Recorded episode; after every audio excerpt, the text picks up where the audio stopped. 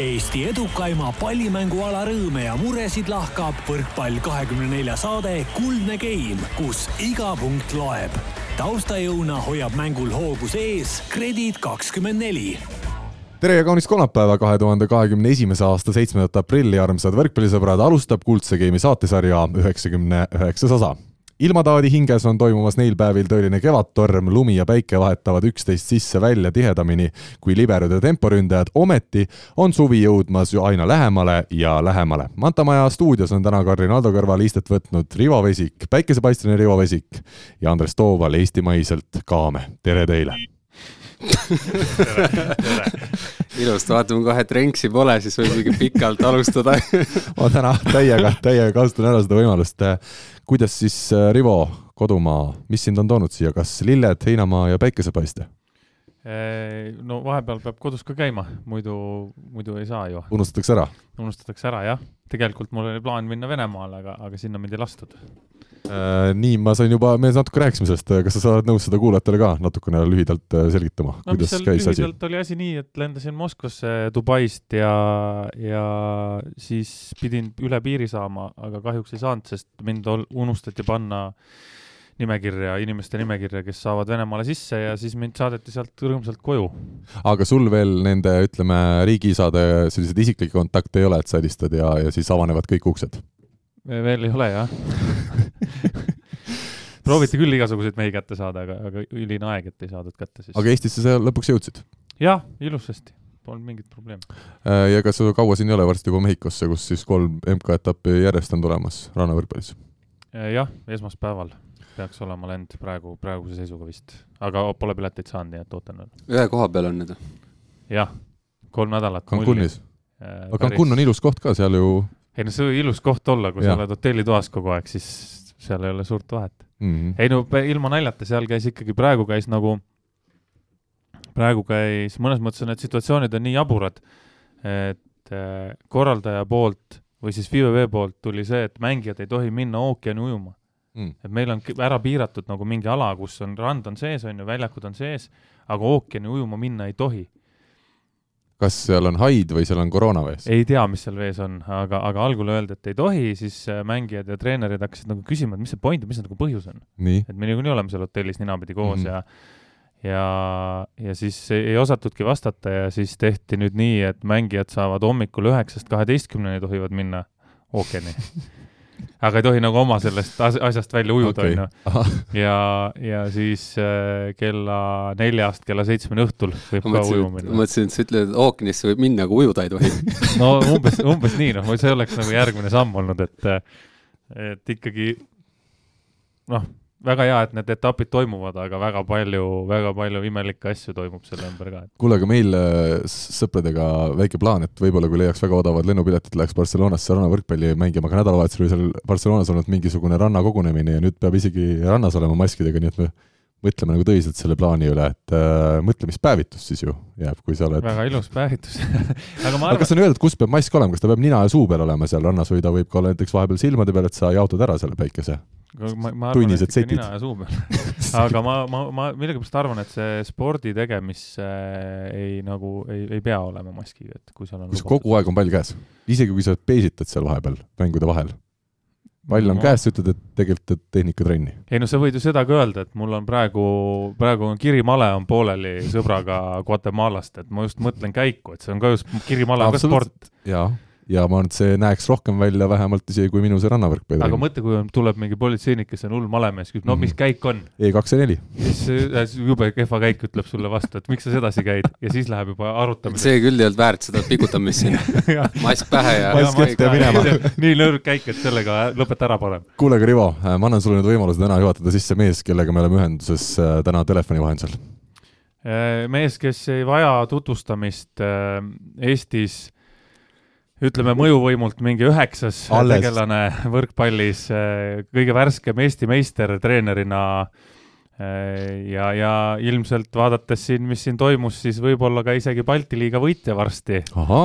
ja mees, kes on eh, läbi käinud Venemaad ja Poolat ja, ja kus kõik veel, ekskursioonil ka kindlasti kuskil mujal.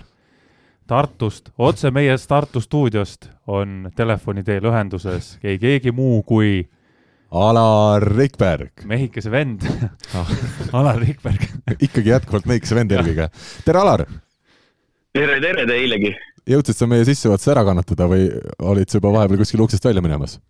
ei no sissejuhatus oli vinge nagu alati ja tore, et mind ikkagi veel eh, oma noorema venna vennana teatakse, kuigi on olnud juhuseid, kui ka teda teatakse kui minu venda juba, et eks ma Oho. üritan järjest rohkem sellisesse staadiumisse jõuda, et mina olen see number üks vend ja tema on minu vend siis mm. -hmm, väga hea. X-i vend peab siis ütlema või?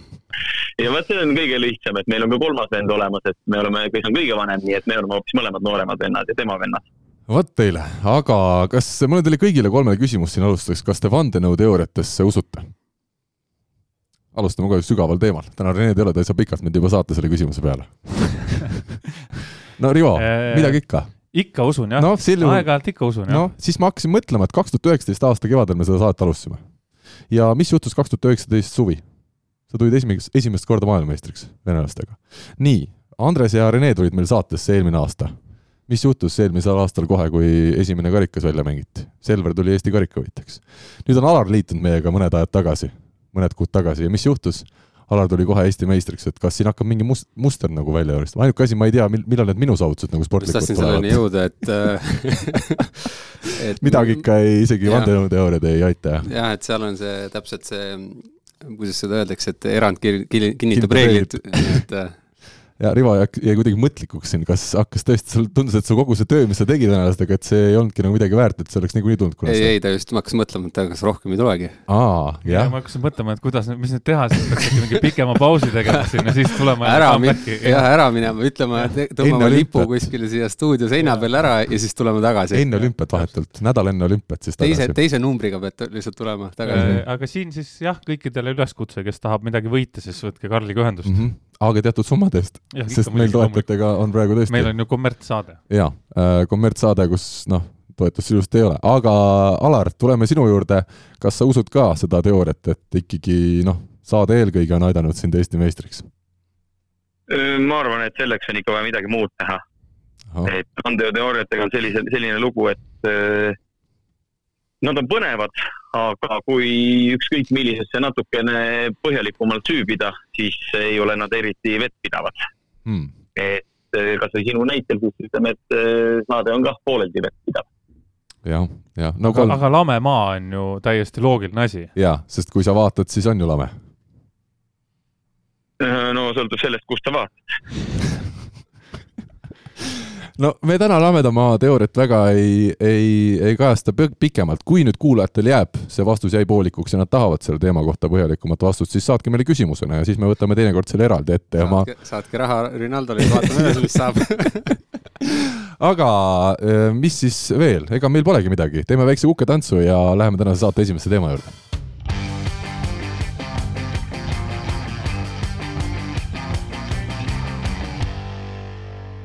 kahe tuhande kahekümne esimese aasta kevadel siis Eesti meistriks krooniti Tartu Bigbank, kes võitis ihaldatud tiitli seitsmeaastase pausi järel ja kokku sel sajandil neljandat korda. finaalseerias alistati kahel korral tulemusega kolm-null Saaremaa võrkpalliklubi. Alar palju,, palju-palju õnne sulle siis veel kord ka meie saate tööka kollektiivi poolt! suur aitäh! no sa oled juba rääkinud ka, et eks ühele treenerile on ikkagi tähendusrikas esimene meistritiitel ja, esimesel peatreeneri hooajal ka, aga aga sa ise tuletasid meelde seal teleülekandes, et kas meie saates, me ennustasime sind kolmandale-neljandale kohale siin hooaja eel, ma üritasin seda saadet enne siin tänast salvestust ka üles leida, aga, aga ei leidnud päris kohe üles, võib-olla ei tahtnud leida, see on teine võimalus, aga, aga oli siis tõesti nii hull meie see ennustus? no täpselt nii ta oli, see oli üks saadetest, kuhu te mind ei kutsunud ja sellepärast julgesite ka minu kohta eh, julgevalt teatud avaldusi teha. Ja, ja minu mälu ütleb nii, et eh, alustas Rivo, kes pani paika tugeva Saaremaa ja võimsa Selveri mm -hmm. ja jättis võrdsed Tartu Bigbank ja Pärnu äh, võitlema pronksmedalite eest erinevates sarjades. ja ega teistel midagi muud ei jäänud tolles saates üle, kui lihtsalt äh, takka kiita Rivo mõtteid. no aga anname sõna Rivole, Rival on praegu võimalus siin öelda, kuidas siis nii? no ega ma ei jaga tegelikult sellest võrkpallist suurt midagi, et noh ma, ma lihtsalt räägin, noh, nagu Tšuksi, ma räägin seda, mida ma näen, ega ma sü süviti ei lähe, aga, aga see, sa räägid hooaja algusest, on ju, Alar? jaa, ikka. jaa, hooaja alguses ju noh, ma arvan Saaremaa oli vähe teistsugune ka. ma arvan, me kõik oleme sellega nõus, et Saaremaa oli vähe teistsugune äh,, Selveri mehed teavad ise, mis siin juhtus äh, ja, ja noh, Pärnu koha pealt ma panin puusse, kindlasti. Tartu võistkond äh, sellel hetkel minu jaoks oli, oli kõige sellisem äh, lahtisem. Kõige lahtisem, et äh, võis mängida, noh, vaadates võistkondi, siis võisid mängida väga hästi ja võisid mängida ka nagu üsna kehvasti, et kuule, aga minu küsimus on see, et üks asi, jah, võistkond oli teistsugune, samas ma ei ole nüüd kindel, et vaata, kui tähtsad mängud, äh, nagu siin vist Rene ka ütles eelmises saates päris tabavalt, et ega kui see Dušš mingit põhiturniiri mänge mängis hästi, siis ega tema on ka mees, kes seal kõige tähtsamates mängudes ei ole suutnud alati oma kõige paremat äh, mängu välja tuua, et äh, ega pole välistatud, et kui Sousa Dušš oleks olnud siiamaani Saaremaal, võinuks ikka Tartu selle finaali võita, pigem oli vist küsimus selles, et tartlased suutsid selle vaheringi võita mis siis tõi neile poolfinaalis Pärnu vastu ja tähendas seda, et Saaremaa ja, ja Selver siis pidid omavahel poolfinaalis juba väga kõva duelli ära tegema. aga kas Tuš oli esimene aasta siin või? jah. no aga esimene aasta nüüd, samas ei saa öelda, on, et okei okay,, neil oli küll väga hea võistkond, aga nad esimesel aastal võitsid kõik kolm tiitlit ära, et äh, noh. aga kas neil esimene aasta oli minu arust, kas Pulk ja Põlluaar olid mõlemad näiteks diagonaalid või? no see selleks. no see oli üli, ülivõimas no, võistkond ju. nojah, aga ma ei, ma ei mäleta enam, miks seal teistel nii täpselt oli. seal oleks võinud sama hästi siis ju nendel tähtsatel mängudel nagu mm -hmm. väga väristama hakata, et et okei okay,, igal juhul liiga tase ja kõik oli nagu parem, et äh, ma nüüd nii hullult seda ei usu, et ta nüüd nüüd täiesti oleks ära väristanud, võib-olla oleks lihtsalt sellistel momentidel, kui asi ei jookse, siis oleks tal, aga noh, oli näha ka, et kui ta nüüd ära läks, siis tegelikult ega juba olin oli võistkonnas mingeid pingeid ja asju ja, ja, ja erinevaid probleeme, on ju. Mhm. ja, ja ka sealt nagu hakkas kõik asi kõikuma ja, ja, ja tekkiski mulje, et noh, et kas ta ei olegi enda, noh, ei olnudki nagu enda, enda sõiduvees, on ju, see oli selge. aga, aga me ei ole, me ju ei tea, milline ta oleks olnud siin või kui palju ta oleks andnud, et lihtsalt praegult jääb esmamulje selline, et et nad midagi väga hullult ei kaotanud ja, ja nii edasi, et noh, loomulikult, aga ma arvan, et nad, nad jäid üleüldiselt muude asjadega jäid nõrgemaks ikka no me tuleme Saaremaa juurde veel siin ka, aga räägime siis kõigepealt sellest teisest finaalmängust, mis siin meie kahe saate vahepeal äh, siis toimus ja ka meistritiitli äh, välja selgitas. Kuressaares kolm-null tulemusega see mäng lõppes, aga, aga ütleme kohe nii ka ära, et, et see oli taaskord tõestus sellest, et üks kolmegeimiline mäng saab ja võib olla ka ülipõnev ja väga dramaatiline.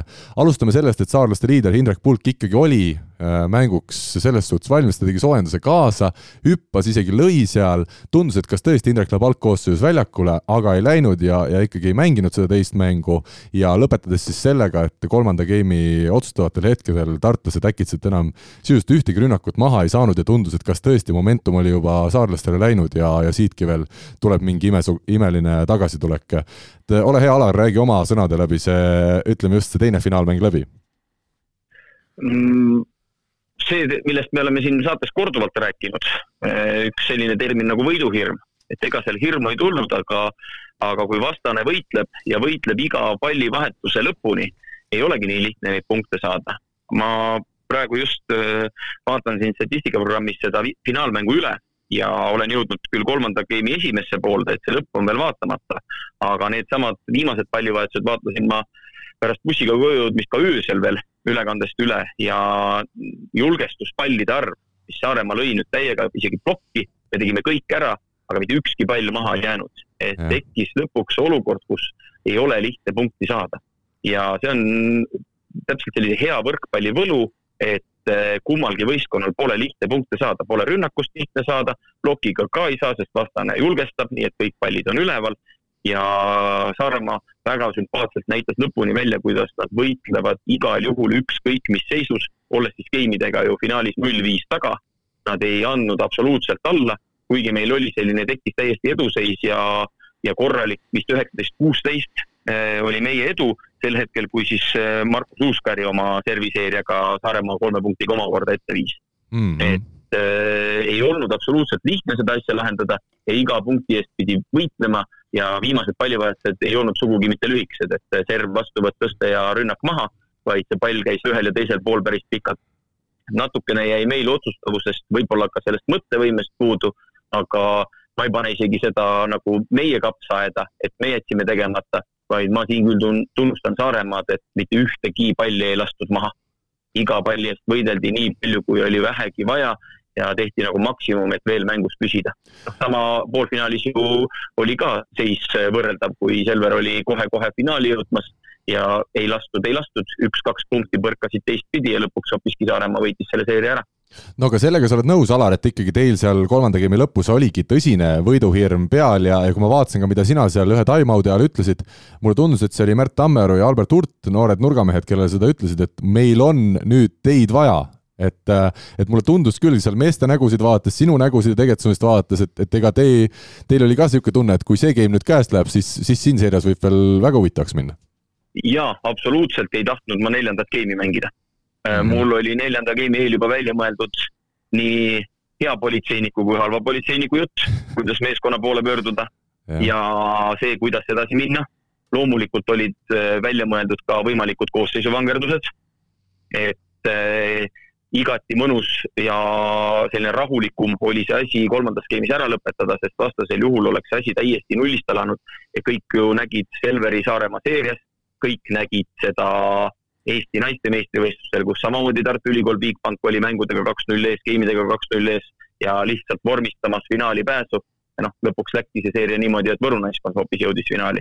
Mm.. et neid asju, et võrkpallimäng ümber pöörata võrdsete võistkondade vahel on väga vähe vaja Rivo, anname sulle ka sõna. sa seda teist finaalmängu nägid või olid sa samal ajal trennis? ei näinud teist finaalmängu väga, lugesin uudised. Äh, aga mõtted Tartu võidust? Äh, Tartu võttis selle ära, mis ta võtma pidi, aga, aga ka, ka seisust ja, ja uudistest nagu lugedes oli aru saada, et äh, seal oleks võinud tulla mängupööre küll, kui oleks see neljas game tulnud ja nähes sedasama, noh, mingeid videoklippe on ju parimatest hetkedest, ma vaatasin üle need, sedasama emotsiooni, mis seal lõpus oli, eh, siis kindlasti ei tulnud see lihtsalt, et kolm-null, kolm-null tundus, eh, tundub, paberi peal tundub nagu lihtne, on ju. Eh, ja, ja eks ta võrkpallisõbrale võib-olla vaadates niimoodi telekast ei olnud kõige nagu ägedamad mängud.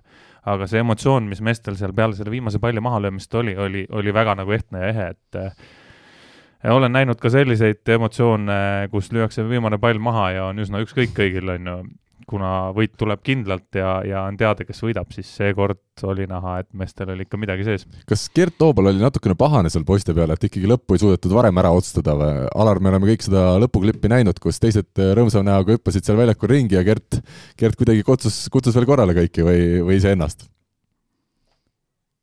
Äh, seal on nagu ma arvan, et kaks emotsiooni oli tal koos. et oli see rõõm, et emotsioon välja lasta ja ega minu samamoodi närvilisust oli omajagu nendes viimastes pallides. aga noh, see on, see on see osa sellest võrkpallist, et, et vaadates neid asju, siis ega see Saaremaa, mm, noh, palju räägitud pulga eemale jäämine. loomulikult on neil üks liider kadunud, aga Markus Uuskari on hea kvaliteediga mängija ja kui kogu võistkond äh, mängibki niimoodi võitlevat mängu, nagu nad mängisid, siis on ääretult keeruline. väga lihtne on mängida nii, nagu me mängisime siis finaalis esimese mängu teise ja kolmanda game'i ja teise mängu esimese ja teise game'i, kus sa kogu aeg domineerid, oled mõne punktiga ees, kui vastane saab natukene järele, võtad time-out'i või teed paar õiget korrektset lahendust ja mängid pingevabalt mm.. ja väga lihtne oleks ja nii nagu Rivo ütles, siis võib-olla oleks me kolmanda game'i seal üheksateist, kuusteist veel natukene pannud, viie-kuue punktiga võtnud, kolm game'i järjest ülikindlalt. võib-olla olekski selline emotsioon lõpus olnud, et käed korraks taeva poole ja jalutad rahulikult platsile ja et näed, tehtud, aga tuli nagu ta pidi tulema. nüüd ikkagi pärast sellist pikka viimast pallivahetust ja selle otsustava punkti mahalöömist oli ka meie meestel kindlasti emotsioon selle võrra rohkem laes, et asi tuli ikkagi väga-väga napilt lõpus et võrkpallist jah, ei ole vaja vaadata teinekord, kas ta on kolm-null, kolm-üks või kolm-kaks, vaid see sisu ja need pallivahetused näitavad ära, et pinget oli ikkagi seal lõpus omajagu no ilmselt, ilmselt ei tahtnud ükski mängija ka seda neljandat game'i mängida ega, ega ka siis sealt, mis edasi saab, et et, et see oli ka üks põhjus, miks see emotsioon ka nii hea oli. jah, et ma Gert äh, oli juba hommiku kell, järgmise päeva hommikul kell kaheksa minu juures, nii et ähm, et sai teda natuke nokitud seal ka, et äh, kas äh, et mi-, mis seal toimus, ta ise ütles, et ta ei mäletagi, et see päris nii, nii nagu sellise purskena välja tuli, aga ju siis oli nagu nii palju ikkagi nii palju tähtis see, et, et, et see niimoodi läks jah, et, et see, see oli päris põnev. kuule, mul tekkis praegu see oli, Andres, päris hea täpsustus, et ei mäleta, sest et mul tuli ka seal mängu lõpus päris palju asju, mida ei mäleta. kasvõi seesama time-out, mida sa, Karl, mainisid, kus ma pöördusingi Alberti ja, ja Märdi poole, et nüüd mul tuli meelde küll see, et mis ma täpselt ütlesin. aga kui keegi küsiks, siis ma ütlesin, ma ei mäleta. Ja kui nüüd Märt Roosna minuga tegi intervjuu ja ühe loo, mis on ka selliseks äh, Eh, natukene arvamusi tekitanud nüüd, et mida ma näitasin Kalmasiidisele pärast võitu, kui ma talle sellist viis number nagu kahte sõrme näitasin. ma ütlesin Märdile, et ma ei mäleta, et me läksime rääkima, nagu ikka, treenerid sõbralikult ja mul alles hoopis hiljem tuli meelde see nüüd, et mida ma Kalmasiidisele näitasin selle kahe näpuga. et äh, alguses jäi ta selliseks äh, saladuseks ja, ja ka Märdi, Märd Roosna artiklist ei tulnud see välja, aga Kalmasiidisele need kaks olid äh, hoopiski märge selle kohta, et kahe nädala pärast uuesti. ehk siis äh, avaldasin lootust, et me võiks jälle Saaremaaga finaalis olla kahe nädala pärast mängitavas Balti liigas. Aa, ma mõtlesin, et sa näitasid, et sul oleks kääre vaja, et sa vaata korvpallis, kui keegi tuleb meistriks, lõigatakse see korvil see võrk ära, et sa tahtsid võrgu äkki ära lõigata kaasa võtta. ei no vot, see ongi väga, väga põnev, et mehed kohe näitasid mulle bussis, kui me hakkasime tagasi koju sõitma seda pilti, et ja küsisid mu käest, et mis sa Kalmasiidisele näitasid, et, et, et kas on juba kaks õlut ära joodud või Keskerakond, meiega võidad alati jah, et äh, ega ei mäletanud samamoodi need emotsioonid, seal noh, sa teed nii palju asju sellisel hetkel emotsiooni pealt, aga noh, see on võib nagu väljapoole paista, me oleme ka rääkinud, et treenerid siin omavahel rivaalitsevad, võitlevad ja nii edasi, aga kokkuvõttes on see ikkagi üks selline mõnus, ühtehoidev ja sõbralik perekond meil mm. -hmm. nii treenerid, abitreenerid, füsiod, üldfüsitreenerid kui kõik muud, et, et nii enne mängu kui ka pärast mängu me räägime ikkagi väga mõnusas sõbralikus õhkkonnas, pigem tunnustame vastaseid, soovime kõike paremat järgmisteks mängudeks, et, et minul küll ei ole ei sel ega siis eelmisel aastal olles Andrei Ojansega abitreener olnud kellegagi nagu ütlemisi või,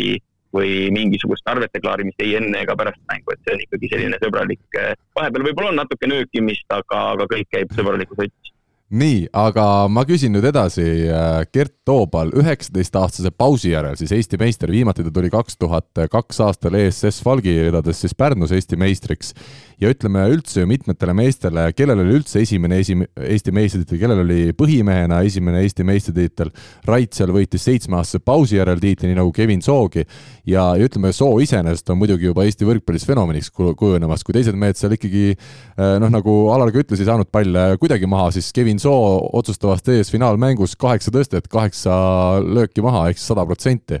aga üleüldiselt, eh, Rivo, kas sa oled nõus minuga selles suhtes, et Tartul, mis on nende tugevus, vaadates nüüd seda, et meistriks tulid, võib nii öelda, ongi see, et neil ei ole ühte kindlat liidrit, nagu võib-olla Saaremaal rünnakul oli ikkagi siin pulk äh, päris kõvasti ja, ja noh, Selveril mingil hetkel isegi võib öelda, Oliver Orav oli äkki selline mees, et äh, Tartul täna on seal väljakul seitse võrdset mängumeest ja, ja kõik võivad seda mängu teha nagu väga hästi.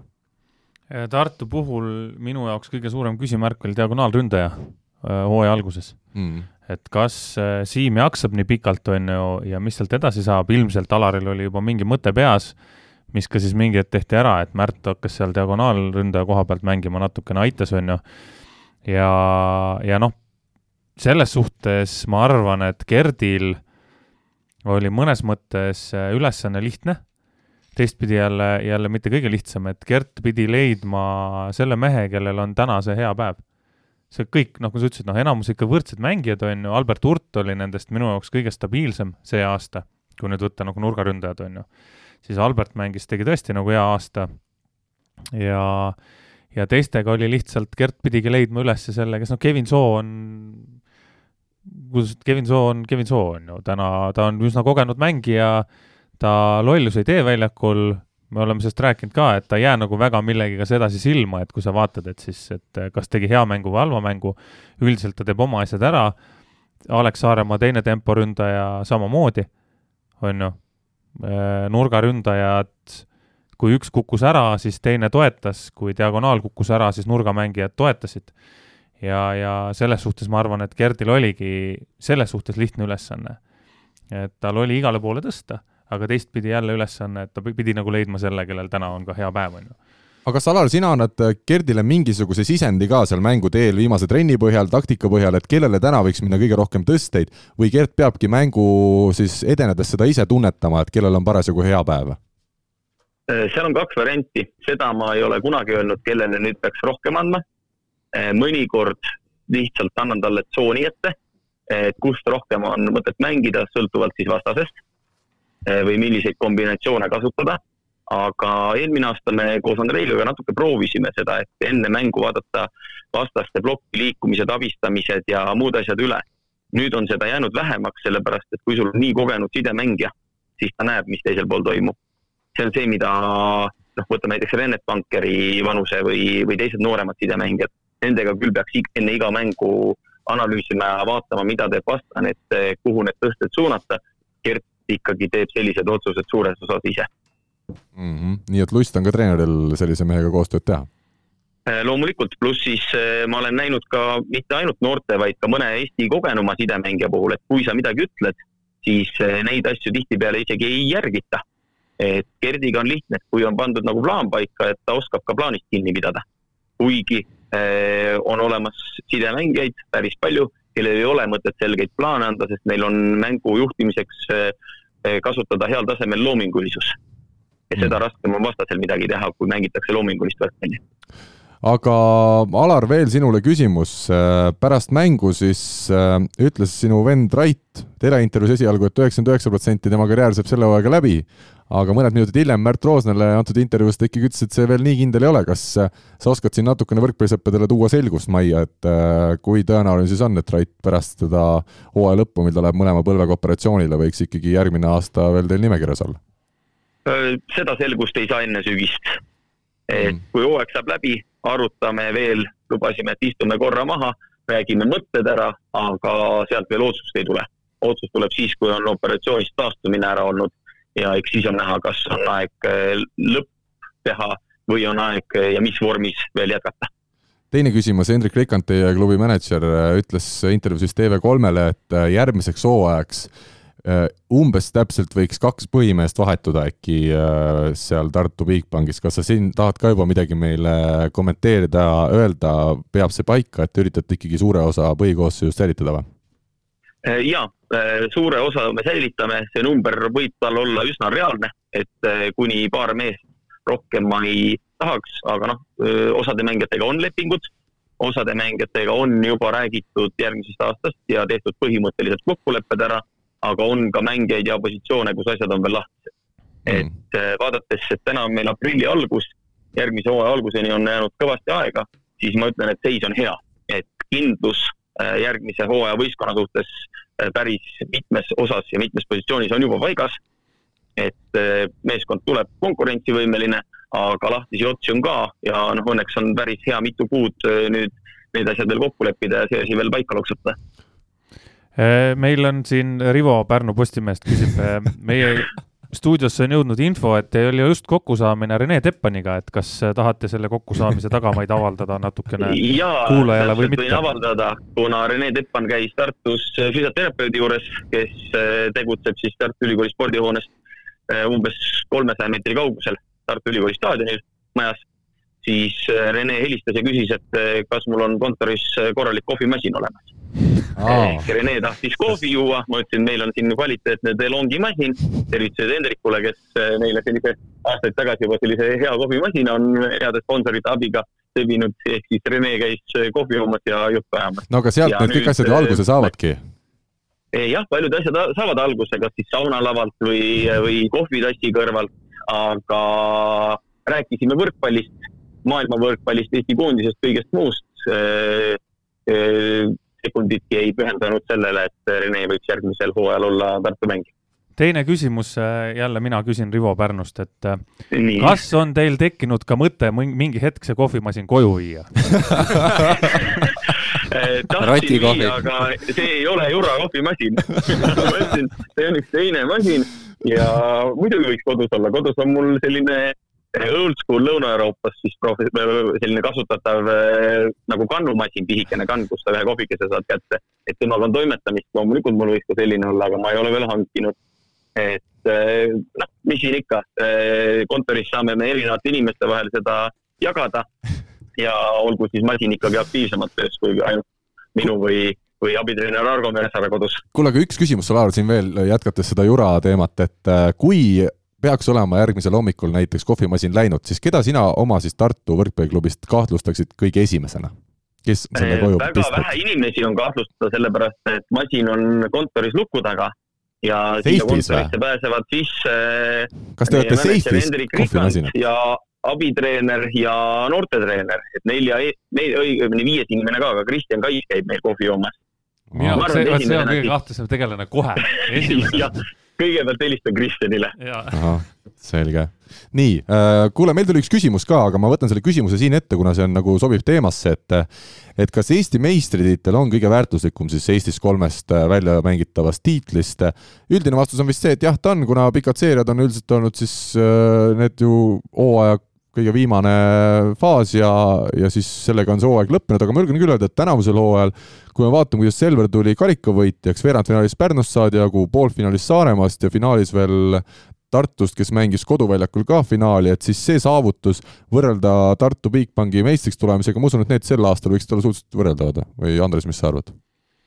sa muidugi oled karikavõitja. ma selles mõttes, äh, mis mulle meeldis eelmised aastad, oli alati see, et see Eesti meister mängiti viimasena välja ja see oli nagu sellepärast juba puhtalt kõige tähtsam.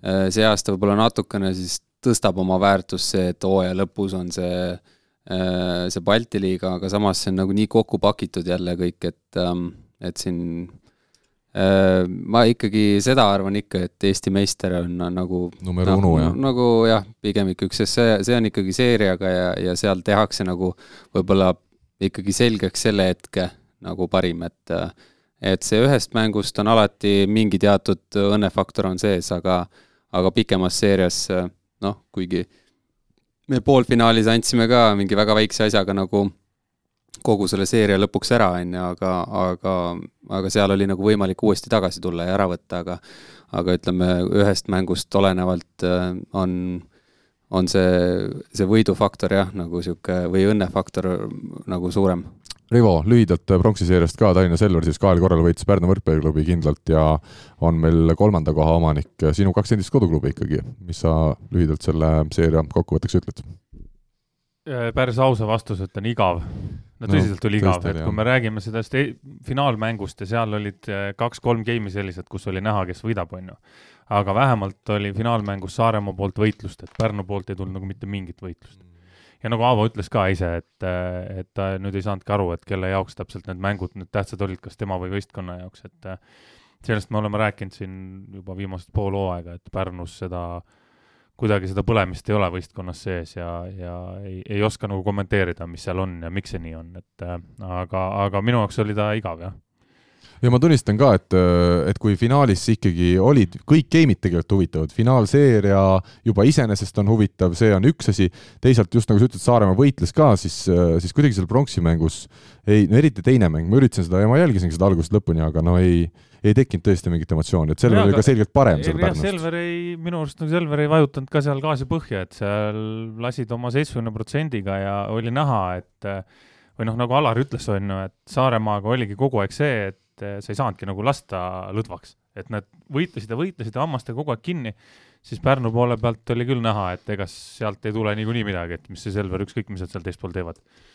nii on, aga kuna meil on teemasid Andres näiteks, kuidas teil nagu tunne oli, kui päris ausalt nagu küsida niimoodi, et? no pigem jah, nagu oli pigem võitlus iseendaga, et, et seda, et, et nüüd vastane võtaks ise ära nagu oli võib-olla mõned üksikud hetked, kui nad võib-olla said mõne punkti kätte, siis nagu pidi, pidi saama nagu tagasi, aga aga, aga noh, me pidime, noh, oligi raske oli vastase peale keskenduda, kuna endal oli pärast seda poolfinaali kaotust nagu selgelt, selgelt raske, raske olek nii füüsiliselt no, kui vaimselt, et et pidi, pidi nii palju keskenduma sellele, mis sa ise teed ja ega võib-olla seal vahepeal keskendumine vastasele kaduski võib-olla ära, et et see sundimine enda, enda, enda soorituste peale, et ja sellepärast võib-olla ka noh, oligi, et meie mäng tundus niisugune veits veider ja, aga noh, kuna võib-olla vastane ei surunud ka nii palju meid, et siis, siis me saime nagu võib-olla natukene kergemini, jah. üks asi, mida ma siin küll Pärnu puhul kiidaks, minu arust Martti Keel tegi väga hea mängu.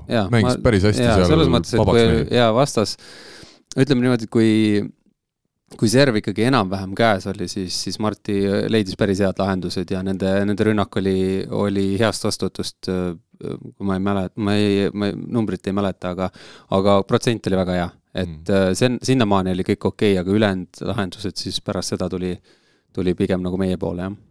Kas... ma täpsustaksin Tartu stuudiost eh, seda eelmist tiitlite teemat, et mm. sel hetkel, kui sa võidad tiitli, ei ole mitte mingisugust kaaluvahet.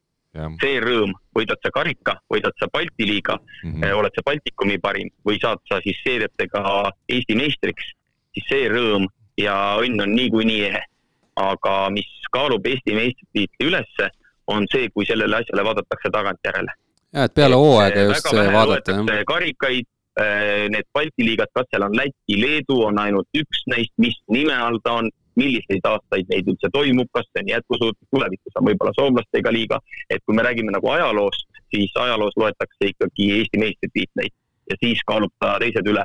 aga sel hetkel, kui sa võidad tiitli, ma arvan, et ükskõik millisele võistkonnale noh, ei võeta, et karikas on käes, et see on midagi, vaid see on ka ikkagi tiitel, mis ära võetakse, et sellepärast on, on hetkes, kui võidetakse, kõikidel äh, võrdselt suur väärtus. ja lihtsalt on see, et kui sa võtad selle, et sul on hooaeg läbi saanud ja hakkad tegema hooajast, ütleme, kokkuvõtet, siis, siis tavaliselt nagu ongi see, et see, kuna see on viimasena toimunud üldjuhul ja, ja igal juhul, nagu sa ütlesid, et siis alati jäävad need meelde ikkagi need äh, kui listid tehakse üldjuhul, siis tehakse ikka listid äh, selle, selle maa meistrivõistlustest, mitte nagu, et mingi kesk, Kesk-Euroopa liiga või, või ma ei tea, mingid muud äh, siin Balti liiga ja nii edasi, et see on noh, kuigi see, me mängime seda turniiri nagu põhimõtteliselt hooaeg läbi, on ju, siis, siis jääb ikkagi see nii-öelda riigi, riigi meistritiitel jääb, jääb rohkem kõlama. kuule, aga küsimus lõppu. Bussiga tulite tagasi Pärnust teiselt mängult Tallinna poole seal šampused avati, meeste meeleolu oli ülev või tuli selline tavaline bussisõit tagasi mingilt regulaarselt mängult? tuli mõni õlle ja, ja ega seda meeleolu kui sellist, et see oli niisugune pigem võib-olla enamus meeste jaoks niisugune kerge pingelangus selles mõttes, et, et ei kukutud päris ära ja, ja suudeti ikkagi tagasi võidelda ja, ja teiseks pigem vist nagu, nagu Andrus Raadik ütles siin vist kuskil ka, et kui on võit, siis on siis on äh, kaks vaba päeva et, et see motiveeris teda kõige rohkem, nii et. aga äh, meie võitleme ka tänases saates edasi, vabu hetki ei tule, tuleb väike kõll ja siis juba järgmine teema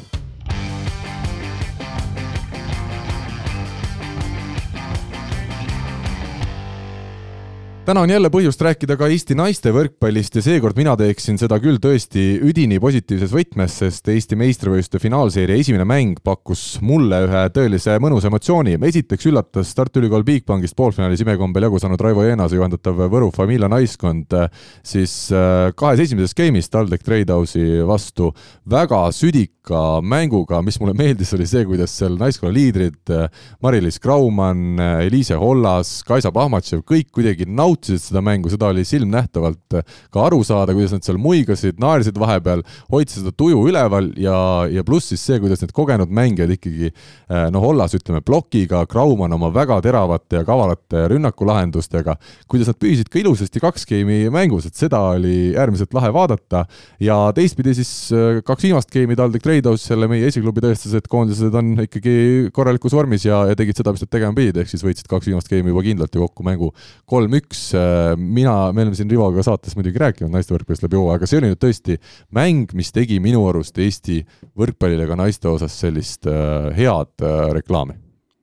no üks võistkond läks jah, nii-öelda siis täiesti vabalt peale, teisel oli selgelt niisugune väike vastutuse koorem ja, ja favoriidi koorem, koorem peal, et ähm, jah, üks võistkond saigi hästi-hästi minema ka ja tegidki hästi vabalt kõike ja, ja, ja, ja natukene TalTech äh, kangutas ja üritas jõuga väga palju ära teha, aga, aga selgelt liiga palju vigu tuli sisse seal nii Kadil kui, kui ka seal nurgas, äh, nii et pidi isegi vahetusi tegema, et ähm, et et äh, jah, ma, ma vaatasin ka seda mängu ja, ja noh, nii rõõmsaks ei teinud või, või niisuguseks, et pigem lihtsalt see, see taseme, see, see pool, et et võiks, võiks olla parem, et noh, loomulikult me äh, teame lihtsalt, mis tase on, et ma ütlen selle kohta, et ja, me teame, et Võru on ju täiesti amatöörvõistkond, kus Graumanid ei Võruga ühtegi trenni isegi kaasa käib ainult mängudel, et niisugune mäng, mida nad näitasid, noh, ma üritan lihtsalt leida siit nagu ja, praegu ei, net, kus midagi head leida no,. eks ongi, igalühel on oma vaated, mina vaatan ja. natuke teise nurga alt,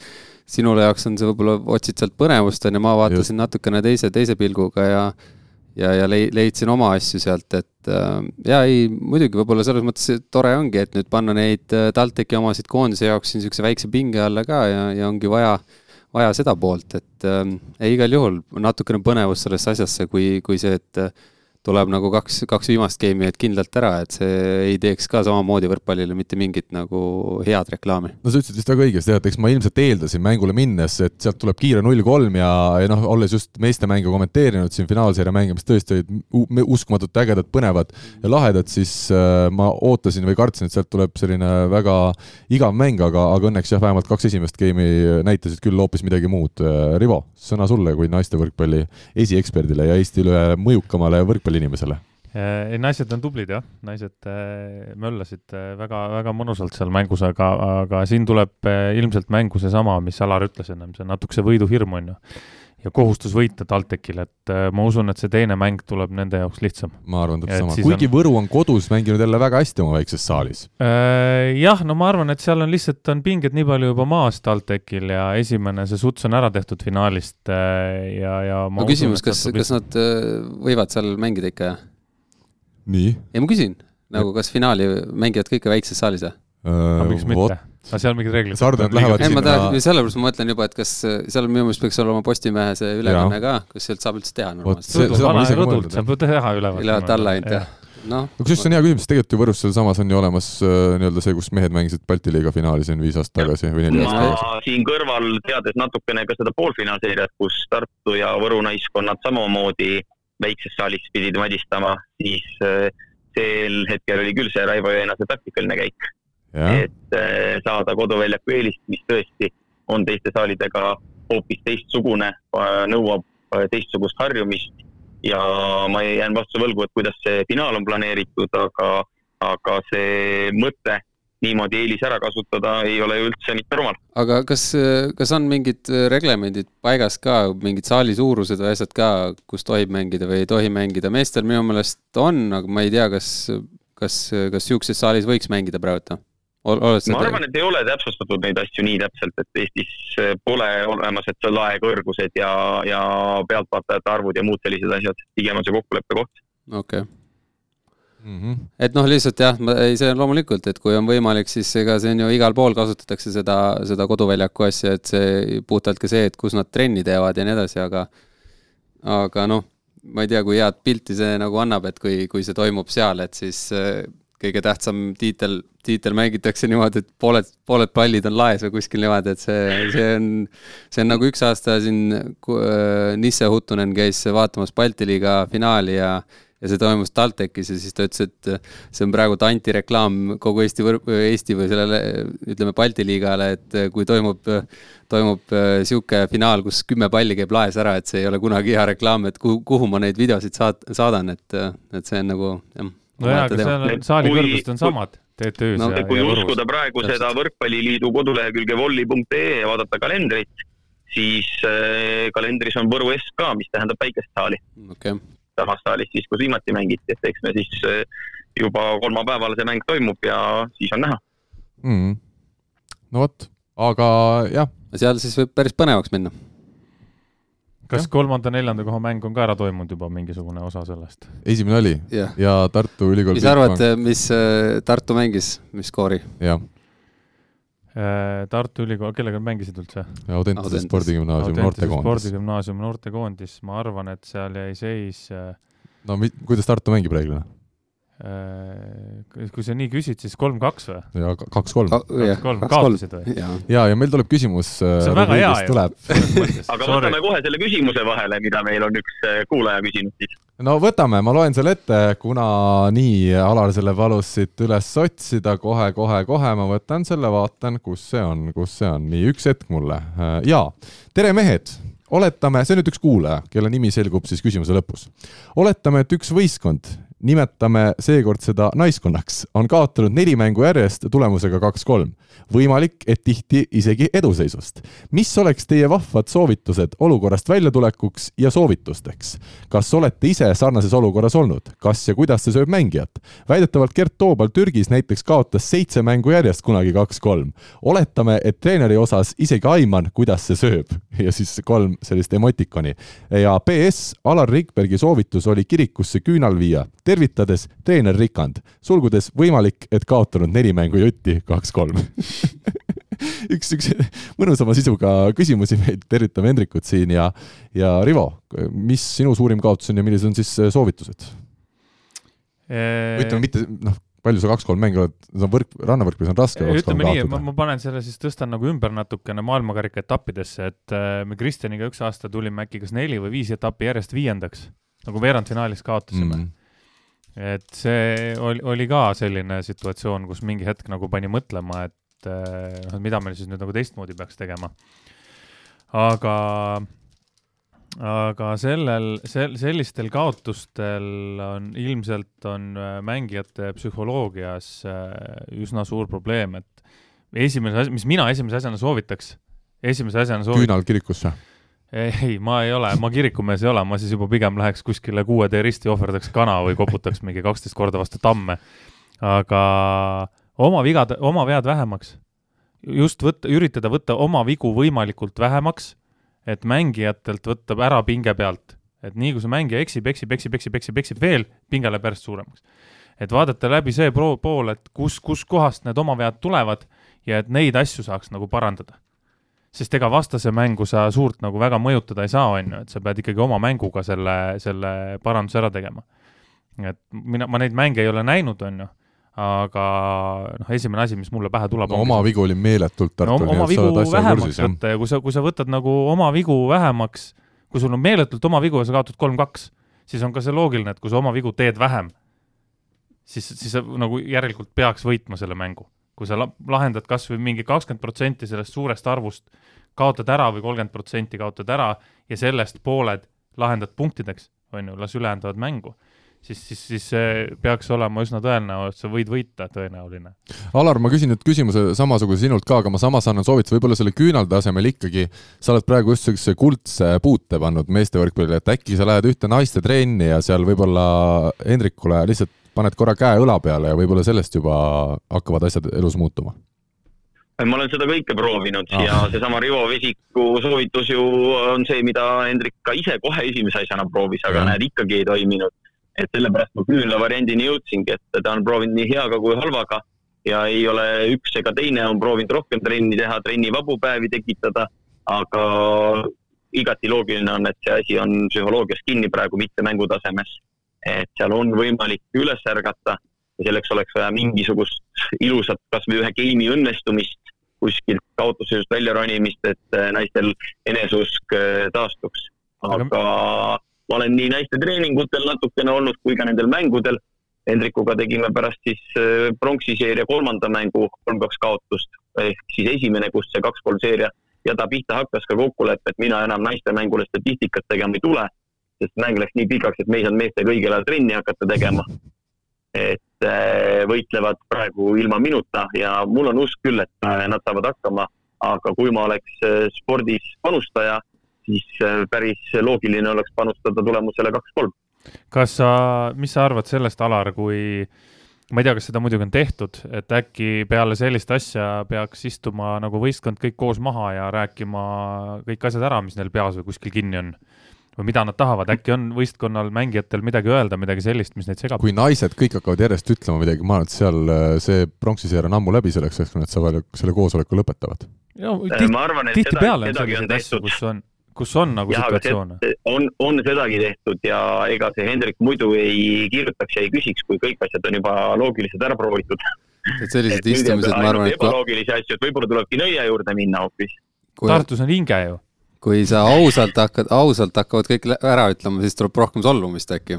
aga mõnikord see solvumine on hea, see lööb nagu mingid, mingid asjad klaariks. meestel ja... lööb, minu arust naistel võib-olla ei ole see lööb veel rohkem sassi. ma ei tea, samas ei, ma pigem ei võta sõna.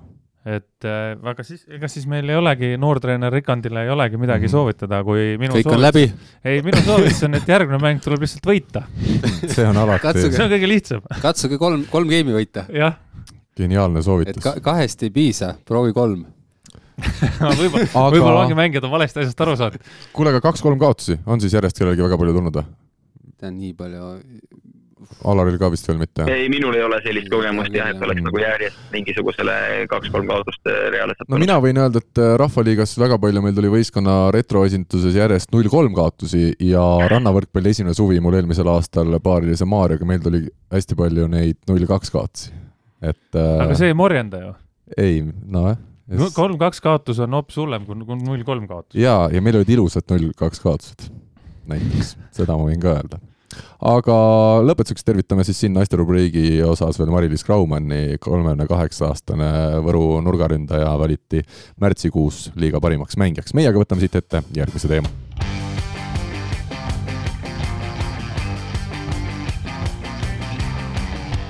Eesti koondis, kahtlemata põnev teema, mis alati meeli köidab. Ja kui ikkagi esimene asi, kui see nimekiri välja tuli, millele siis siin tähelepanu võiks pöörata, on minu arust ikkagi see, et Martti Juhkami, Robert Täht Andrus Raadik liituvad suve teises pooles praeguse seisuga, kõik kolm siis kogenud nurgaründajat. Keit Pupartit ei saanud peatreener Cedric Enard üldse kätte ja nüüd siis äkitselt olukorras, kus me oleme arutanud, et meil on väga raske noortel üldse põhikoosseisu ennast murda, on selline olukord, kus äh, selle, ütleme, põhikoha võivad omale väga hästi juba mängida sisse Albert Hurt, Oliver Orav, seal on äh, Märt Tammearu, äh, neid variante jagub, kellel on nüüd tõeline tõestamise võimalus siis suve esimeses pooles. Andres, sul on see nimekiri ees ka? jah, aga minu jaoks kõige huvitavam oli siin nimekirjas Mirko Fasini taga olev Keemerova Kuspas, tervitame Võrkpalliliitu siin. jah, et, et uh, tundub, et käime ajaga kaasas ah,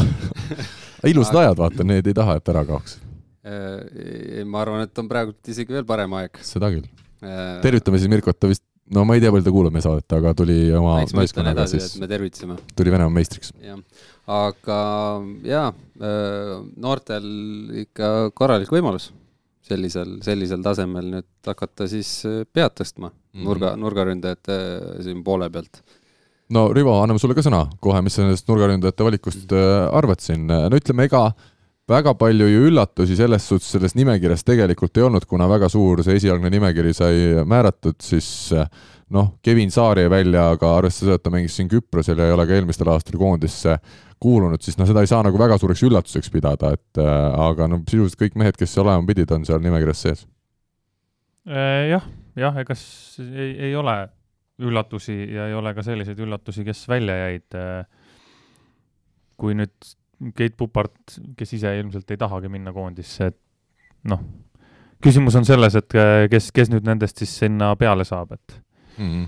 et äh, väga, nagu Andres ütles, et väga hea võimalus on nüüd kõigil ennast näidata ja tõestada, sest ma, nagu ma aru saan, siis siis mingi seltskond kohe algusest peale ei hakka möllama või, või ikka hakkavad või? Äh, no seal Alar saab meile kommenteerida, palju te alguslaagrisse võtate? Laagrisse on plaanis võtta kakskümmend kolm meest -hmm. kellest kakskümmend tulevad võrkpalli mängima ja kolm tulevad oma erinevate tervisehädadega tegelema ja ennast mängukonditsiooni viima. ehk siis need kolm on, äh, kas need on Indrek Kulk, jah, Täht Robert Täht ja Oliver Orav. aa, nii, selge.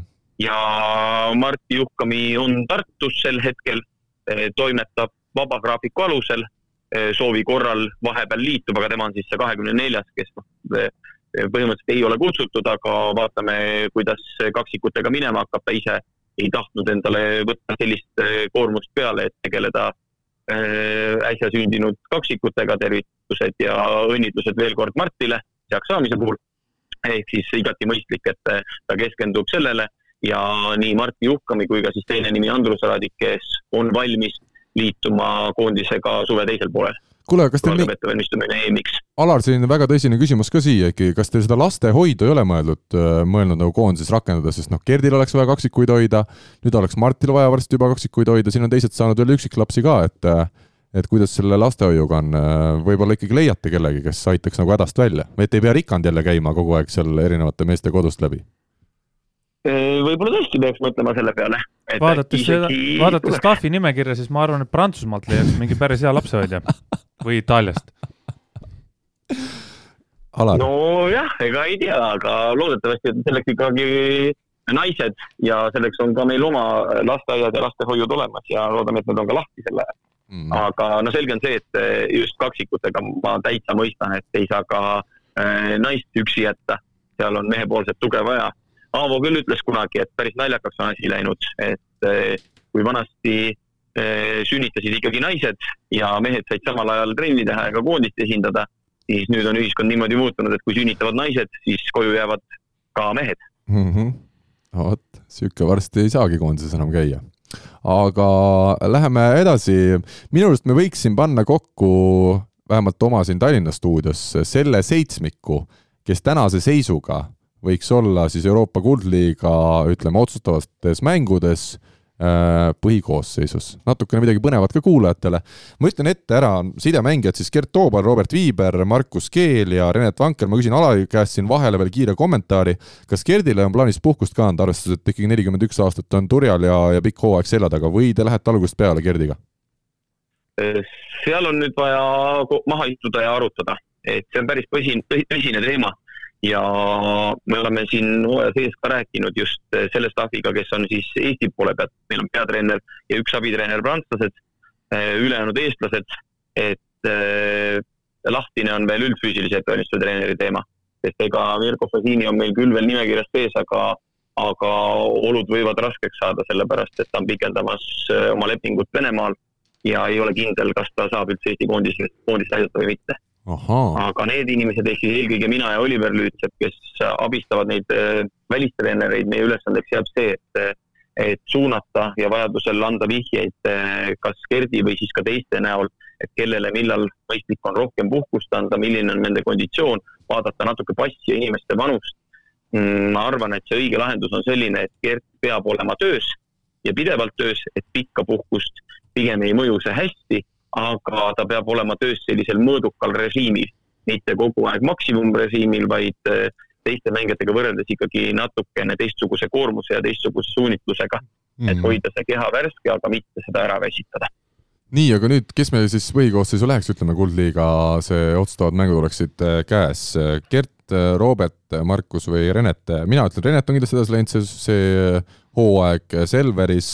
Robert Viiber mängis siis nüüd hooaja teise poole enam mitte Tšehhis, vaid Itaalia esiliigas Cantu võistkonnas, aga ega me teda ju mängimas näinud ei ole ja Markus Keel siis hooaja alguses Soomes Agas ja hooaja teine pool seal Prantsusmaa kõrgliiga viimaste hulka kuuluvas Nice'i klubis, et tegelikult päris huvi, huvitav konkurents on hakanud siin sidemängija kohal tekkima, et need nooremapoolsed siis mehed on läinud aasta-aastalt paremaks ja nagu me oleme rääkinud ka, et ega sidemängija reeglina kaheksateist, üheksateist aastasena ei saagi olla veel oma karjääri tipul, et see kõik võtab aega ja, ja need mehed nüüd siin vaikselt aasta-aastalt arenevad. Rivo, mis, mis sina vaatad, vaatad ja, ja mõtled? Äh, no mina ütlen, et Gert on põhiside, on ju. kuldliigas ka. Mm -hmm. no e, kui me paneme kõige paremad siit, on ju noh, vot, see on see küsimus. mitte see, et me hakkame mõtlema nüüd seda, et kas nüüd, kes mängib okay. ja kes kuidas treenib Äh, ma ei ole Robert Viiberit ja Markus Keelt näinud äh, mängimas, ma ei oska absoluutselt kommenteerida mm -hmm. seda. Äh, Renet Vanker on jah, ta on mänginud Eesti liigas, aga ta ei ole kordagi mänginud koondises ja ta ei ole kordagi mänginud nagu koondises tähtsaid mänge. no aga see aeg peab ka lõpuks kätte jõudma. peab ja, ja, aga ma arvan, et kui sidemängijatest panna, siis ikkagi Gert Toobal on see, kes alustaks. Andres, sa oled nõus selle valikuga? jah, seda küll et Gert ja noh, nüüd ongi see, see nüüd treenerite oma nagu valik, et kas nad lähevad siis no kindlam oleks võib-olla siis jah, et, et Markusega, aga, aga samas seal noh, ma ütlen, Robert ei ole võib-olla kõige rohkem neid, neid selliseid võimalusi saanud, aga, aga samas nagu võib-olla ei ole ka neid väikseid võimalusi päris hästi ära kasutanud, et, et nüüd oleneb treeneritest, palju nad Renetile hakkavad seda sellist, sellist võimaluse, võimalust andma, et aga, aga kui, kui mängida jah, nagu võidu peale, siis, siis praegult on see Gert ikka. Ma annan Alarile siin sõna lõpus, kui me oleme selle võistkonna kokku pannud, eh, et uurida, kas me panime väga mööda, meil on ühesõnaga Gert Toobal siis oleks justkui praeguse seisuga ka kuldliigas ikkagi tähtsaid mänge mängimas. temporündajaid nüüd koondises on ka omajagu Henri Treial, Ardo Kreek, Timo Tammemaa, Alex Saaremaa, Andri Aganits, Mart Naaber ja Mihkel Varblane on seal siis see varuvariandina, varuvariandina veel viimasena juures no siin ikkagi täna ma saan aru, et kõik temporündajad on tulemas ja ma ütlen, et see on Tamme Maganits, kes on põhikoosseisus. ma arvan ka jah, et äh, Tamme Maganits ja noh, ma ei tea, ma ei ole üldse kursis, kuidas praegu Tardol nagu vorm on ja kuidas ta on, et äh, et ootan tegelikult natukene huviga siin Henry Treialit, et kuidas ta koondise juures on, et tundub, et mees on siin kõvasti avanenud, et kas see nagu on nüüd mängupilti ka, ka läinud või, või et selles mõttes saab huvitav olema, et aga, aga kindlasti on, ma arvan, et kindla peale on need kolm meest või ütleme siis neli meest on nagu võib-olla ütleme klass paremad. Alex Saaremaad tahan näha kindlasti, mis ta teeb mis ta teeb nüüd koondise juures, et ja puhtalt mõne teise sidega, et me teame, et Gert laseb hästi keskele ja, ja, ja Ronni on väga hea keskel laskja, laskja, aga aga nüüd tahaks näha, mis ta teiste sidedega teeb, et äh, see on, see on omaette küsimus. Ja noh, Mart on, tundub ka seal Hispaanias on hea, et noh, see konkurents on seal päris kõva, et, et äh, Mihkel on praegult võib-olla ütleme siin noh, natukene siis taseme poolest äh, nendest meestest natuke maas. kuule, aga huvitav küsimus on nüüd see, et kui me räägime siin sellest, ütleme, Tammemaa, Aganits, Kreek triost, siis Aganits viimases mängus küll me tuleme ka ühel hetkel loodetavasti täna, kui me jõuame selle juurde, aga viimases mängus lõi seal Kreeka liigas viis ässa, aga kokkuvõttes, kas võib ikkagi juhtuda ka nii, et sõltuvalt mängust, kui on vaja ikkagi väga serviga suruda, siis peab Ardo Kreek mängima ja isegi Aganitsal võib mingi hetk vahetust anda või arvestades seda, kui hea on Aganits täna meil plokis, siis äh, sellest, kuidas keegi servib tempomeestest väga suuri nagu koosseisuvalikuid samas teha ei saa noh, Tammemaal me teame, on väga kõva serv olemas. nojah, aga nüüd sa, ma ei tea, kas ta, kuidas tal see hübriid nagu välja tuleb, et ta siin vahepeal hakkas seda proovima mm. -hmm. ja, ja, ja ongi, kui on võib-olla vaja, vaja vähe kõvemat äh, panna, siis, siis saab Ardo tulla, aga aga selge on see, et Taganitsa plokk on, ma arvan, on väga, väga võimas, et see, seda on kindlasti vaja. Rivo, sina korraliku, korraliku kaitse ja Äh, plokkkaitsesüsteemis mängida. Rivo, kes kaks meest sinul tuleks algkoosseisu valikule? Tamme ma jagan neid igal juhul, jah mm. -hmm. Läheme edasi. Äh, ma kusjuures vaatasin, et oma pojaga mängis Ardo veel siin pärast äh, setis seda hooaja lõppu rannavallet juba, et sa võid ka seal teha kõned võib-olla Eesti rannavallakoondisele veel Continental Cupiks, kolmas paar tuleb juurde. Kreek, Kreek või? Kreek, Kreek. ma olen näinud, nägin eelmine aasta, kuidas Ardo mängis liiva peal, ma arvan, et ei ole veel vaja, et las teevad trenni väga hea.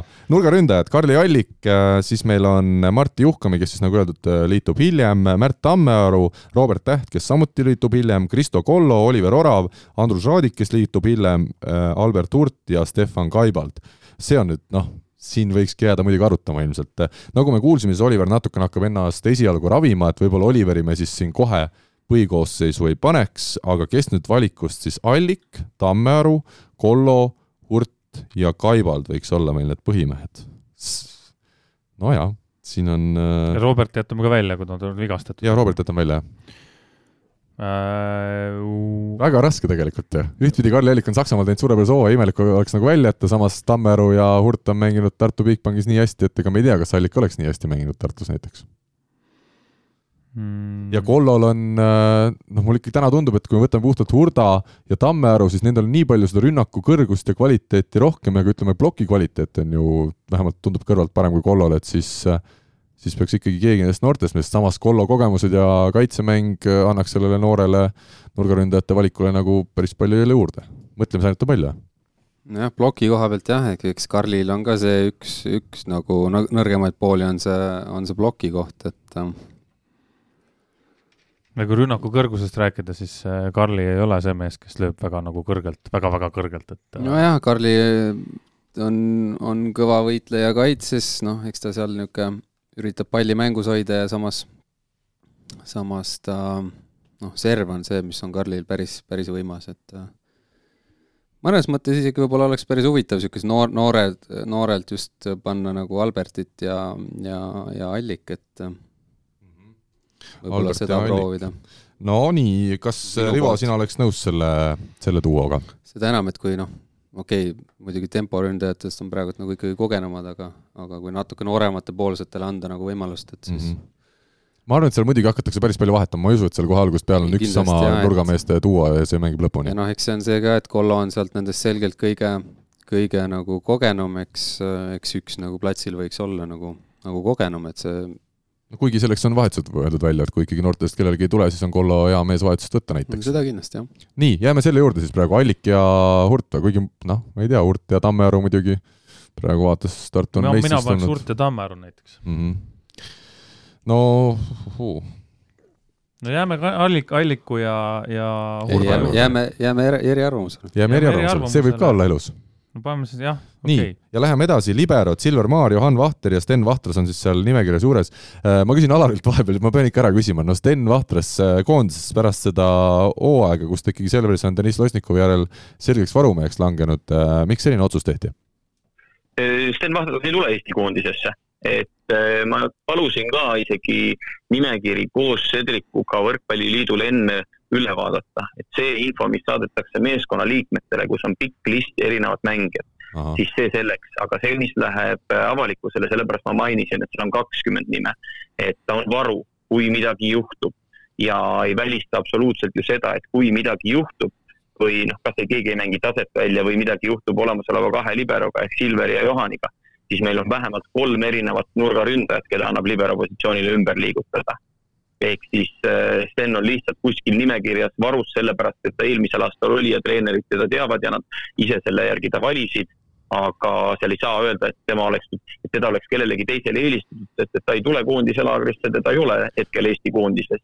ja kui tekib olukord, siis hakkavad alles treenerid arutama, keda võtta, kas juurde mõnda liberot või on võimalus hoopis keegi nurgaründajatest sellele positsioonile liigutada, et see on natukene kommunikatsiooni viga ja natukene eksitav informatsioon. selge, aga sa ütlesid kolm nurgaründajat, keda on võimaluse või vajaduse korral võimalik liberoks panna, Kollo, Kaibald ja kes see kolmas mees on? Äh, Karli Allik aa, samuti potentsiaalne libero või? Äh, loomulikult, kui sa mõtled Alliku kaitsemängu taset, see on nüüd see koht, kus ta peab näitama, mida ta siis rünnakul on võimeline tegema. Ja kui ta jääb hätta, siis selge on see, et just eelkõige kaitseliberona ta on seal positsioonil ka mänginud ja ta suudab seda päris hästi teha, et seda kombineerimisvarianti ei saa ka välistada tulevikus. selge, nii, mis meie liberate valik, kas Andres Rivo, kas niisugune variant, et Maar ja Vahter mängiksid meil koos, nii nagu mängivad Saaremaa klubis Alari Saar ja Johan Vahter, kas sellist asja pigem koondisest arvate, et ei rakendata, et siin on ikkagi, kui on, siis on üks kahest väljakul ja ilmselt Maar või? Nojah, ma, ma, see koondise lõplik nimekiri on ikkagi nii pisike, et sinna kahte liberot, ma ei tea, kas see on nagu mõistlik tänapäeval. ja pigem Alar ütles õigesti, et pigem siis võib-olla võtta sinna keegi teine, kes on. sa tõesti arvad, et ma ei, ma ei tea, vaata, ma ei tea nii tiibilt, minu, minu jaoks on ta nagu äh, kuidas öelda, noh, mingi, mingi koha raiskamine on ju mm., et sul on kaksteist meest, vist on Alar kaksteist meest on ju, kes sa võid üles anda. ei, Rivo, nüüd ma peangi täpsustama, reeglid on niimoodi, et mehi on neliteist ja kui sa mängid kas kolmeteistkümne või neljateistkümne mängijaga, siis sul igal juhul peab olema kaks liberot. Okay.. ainuke no, võimalus, et kui sa ise võtad kaks meest vähem kaasa, saad sa ühe, ehk igal juhul on nimekirjas kaks liberot, aga paljud võistkonnad on ka seda kasutanud, mängitakse kogu aeg ühe liberoga, teine pannakse ja noh, see võibki olla üks Nurk, nurgaründajatest, siin on erinevad koondised, või sul on äh, vajadusel igaks juhuks turniirile võetud tempo kaasa, äh, näiteks lähed nelja asemel viie temporündajaga ja mängust mängu saad neid asju liigutada. soomlased käisid viimati EM-finaalturniiril kolme sidemängijaga, samamoodi siis äh, sättisid oma liberot, sest niikuinii Kerminen kogu aeg mängis, et see annab väikese sellise vangerdusvariandi, kui mingil põhjusel seda teha tahta, aga nimekirjas peab olema kaks ja see ei ole nagu turniiriks, vaid tund aega enne igat mängu äh, otsustad sa selle ära, kes need kaks siis libero särgis peavad olema meil oli Rahvaliidus ükskord kaksteist varumängijat mängul, aga siis seitse pidid neist väljakule minema, kaotasime null kolm selle mängu. aga aga mis siis läheb, Maar läheb praegu või? ma arvan, Maar jah, ega ja. siin on vaja, tal on vaja hakata normaalseid mänge mängima ja, ja, ja, ja, ja korralikult seda asja, et ega ma arvan, et sinna sisse-välja solgutada nagu, et kui, kui siis nagu tema on nagu kindlasti see, kes peaks hakkama selle seda asja kandma. kuule, viimaste aastate, kui Eesti koondis siin enam mingil hetkel väga hästi ei mänginud, oli küsimus, et me ei saa servi hästi kätte et äh, kes nüüd täna meil nendest potentsiaalsetest liberatest, kui me võtame need nurgamehed juurde, kellel on kõige parem servi vastuvõtt, kas meil on keegi selline kindel, kes saab tugevaid hüppelpallinguid ka väga hästi kätte? ma ei tea, Alar võib siin ka sõna sekka öelda, kui tal mingi nimi kohe ette tuleb.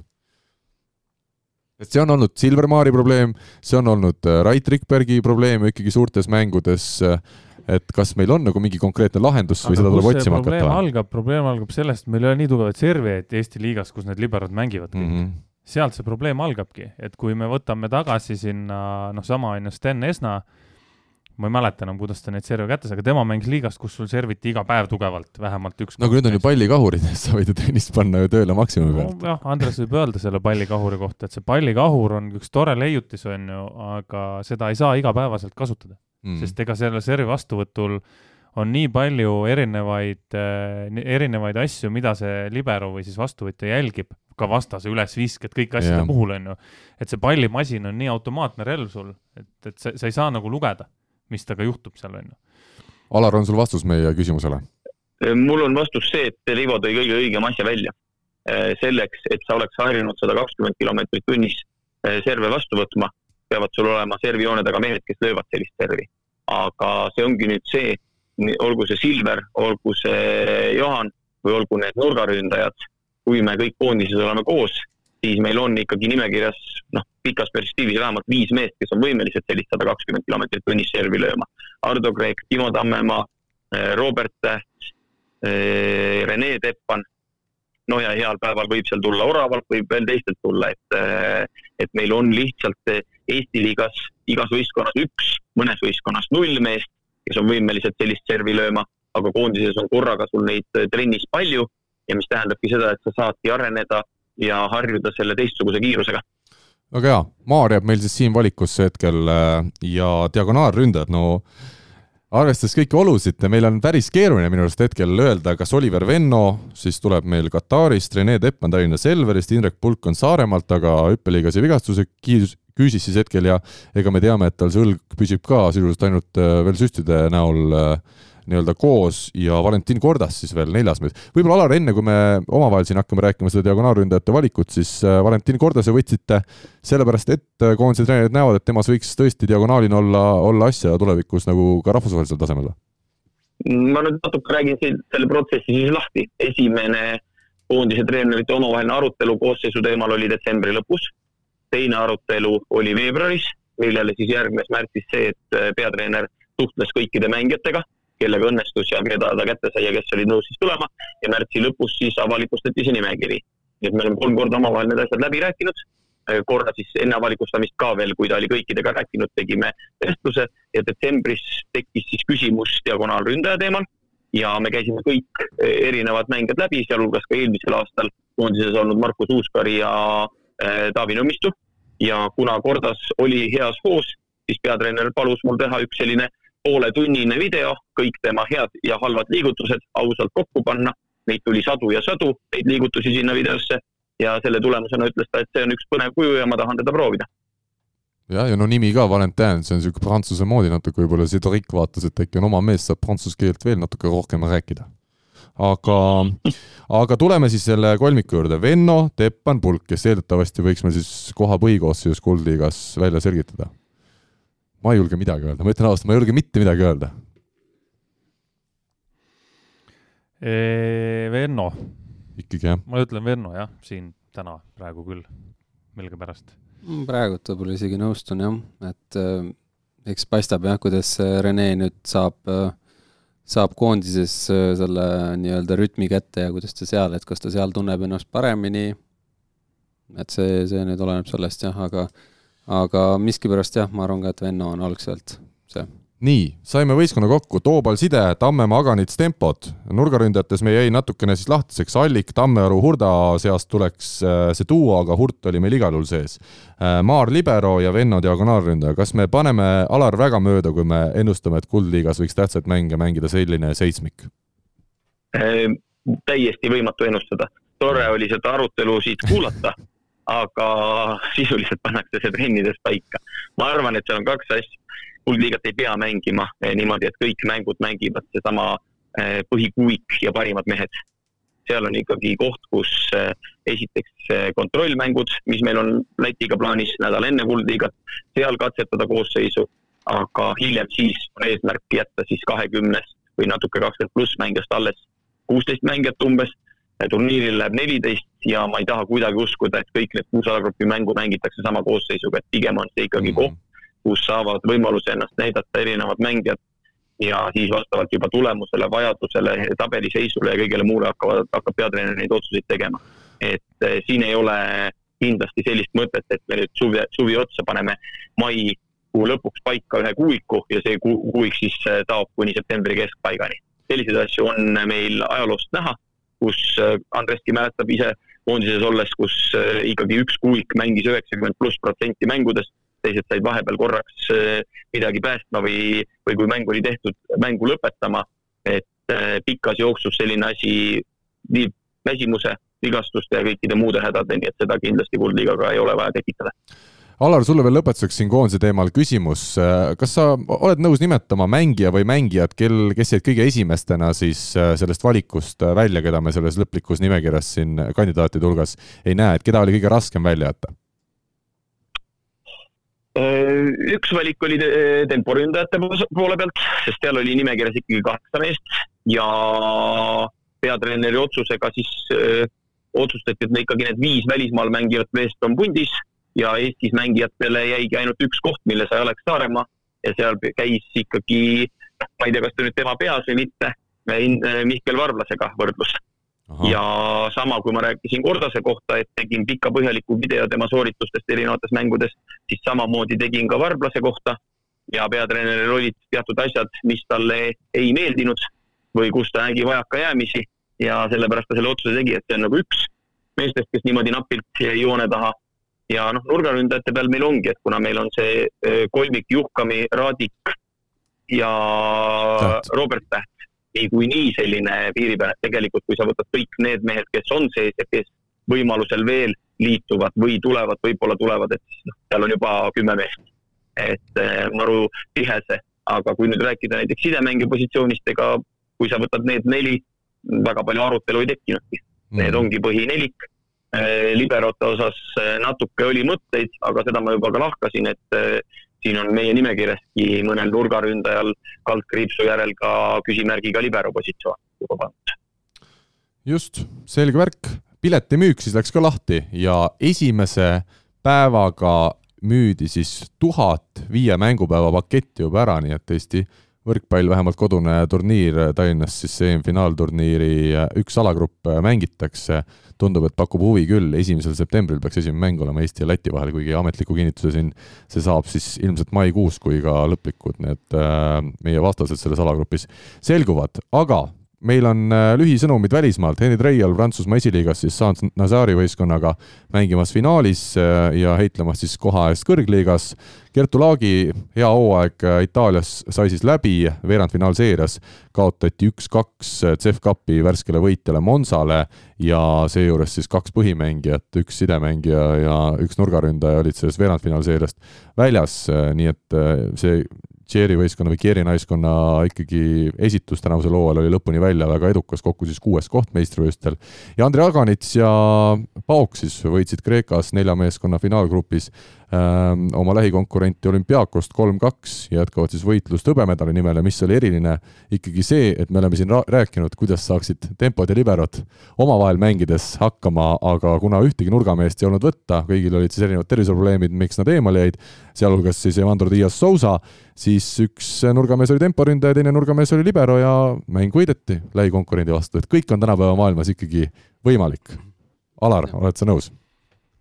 Jaa, ääretult põnev ja, ja noh, natukene kahju on, et meil mõned aastad on olnud väga toredad, kus me saame siin, olgu need Tšehhi või Prantsusmaa karika ja meistritiitlid enda äh, välismaal mängijatelt kokku lugeda, et äh, päris nii kõrgele nagu ei ole jõudnud aga seal peaaegu suures mängus on paljud sees, ka meie omadest.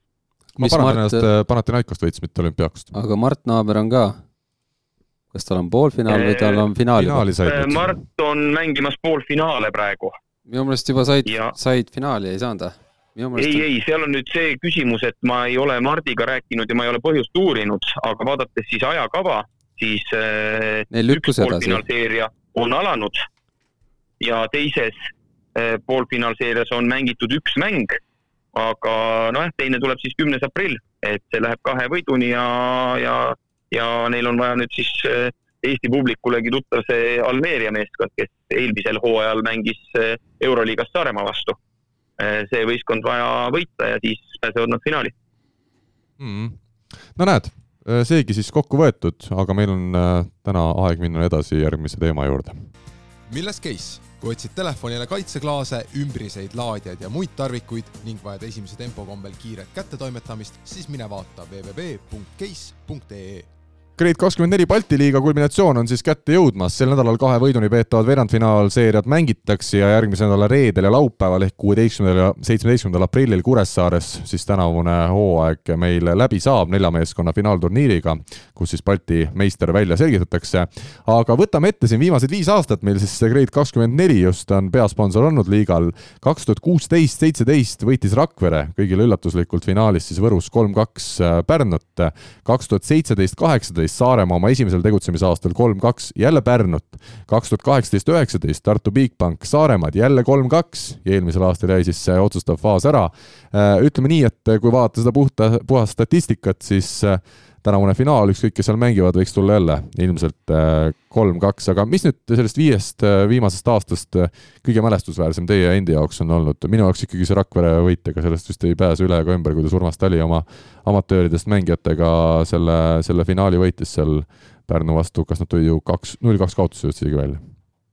Rivo, sa oled nõus jah, selle kõigega? tulid, äh, kas nad mitte isegi poolfinaalis ei tulnud seal ka vist null kaks mm -hmm. kaotusest välja, midagi sellist, et äh, ilmselgelt kõige suurem üllatus jah, nende aastate jooksul. Põlluäär, vennad Saared, Artis Saiks, Priimägi, Uusküla, Kivisild, seal ikka väga vahva punt. noh, nimed on tugevad, jah. aga eks ta natuke näitas ka seda, mis tase oli tol hetkel Eesti liigal, et no täna ma ei kujuta ette, et need viie aasta tagusedki Saared äh,, Saiksid, Priimägid, Uuskülad, Kivisillad ja, ja Põlluäär sedasi võidaks meil mõnda tänast siis tippudest.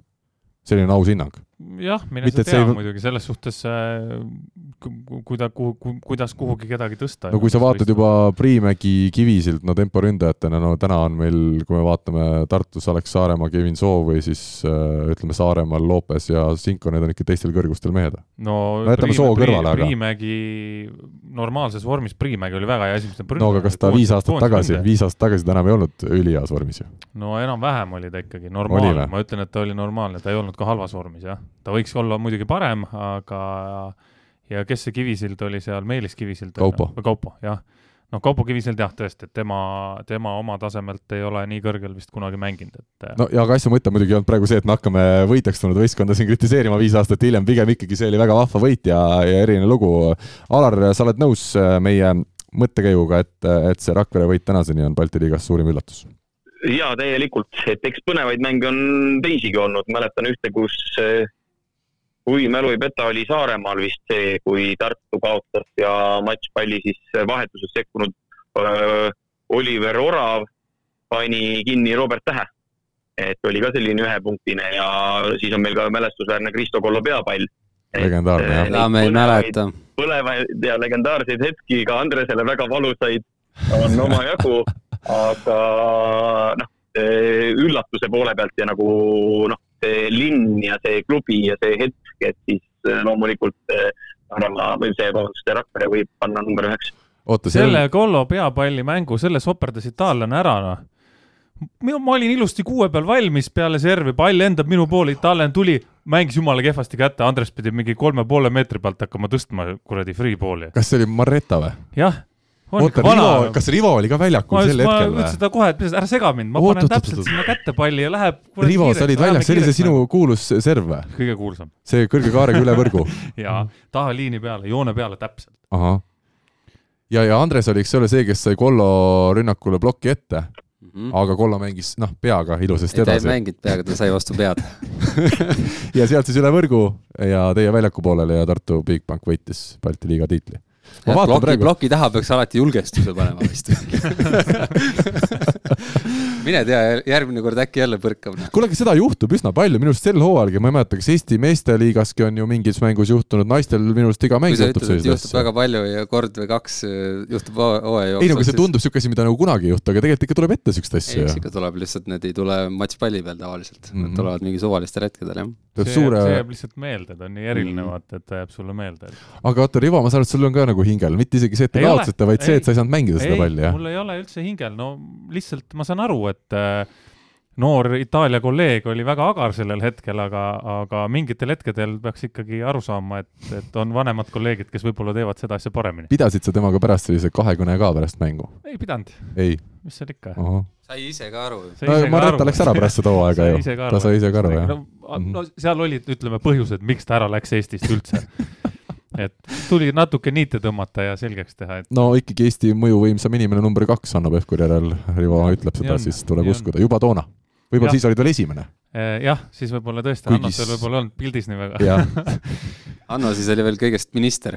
aga, aga tegelikult ega ju mina, mis, mida mina kõige rohkem tegelikult ootaksin, on ikkagi nagu Läti poolt mingisugustki tõusu, et, et kogu aeg on, nad on olnud niimoodi piiri peal seal oma võistkondadega mm. -hmm. tundub, et nüüd nagu hakkab natukene paremaks minema seal see teema ka. sest minu meelest ega ma ei oska nüüd nagu päris täpselt öelda, aga minu teada nende nende nii-öelda eelarved nagu lubaksid küll, neil on suhteliselt sarnased eest-, eestlastega siin, et on tõesti nii juba või?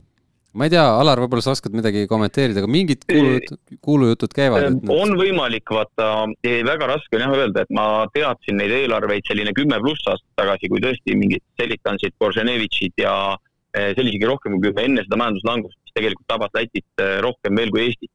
seal oli ju täielik buum igal pool ja eelarved olid sellised, et et eh, rääkisin isegi lätlastega, nad ütlesid, pole mõtet Prantsusmaale minna, sest meile lihtsalt makstakse nii hästi.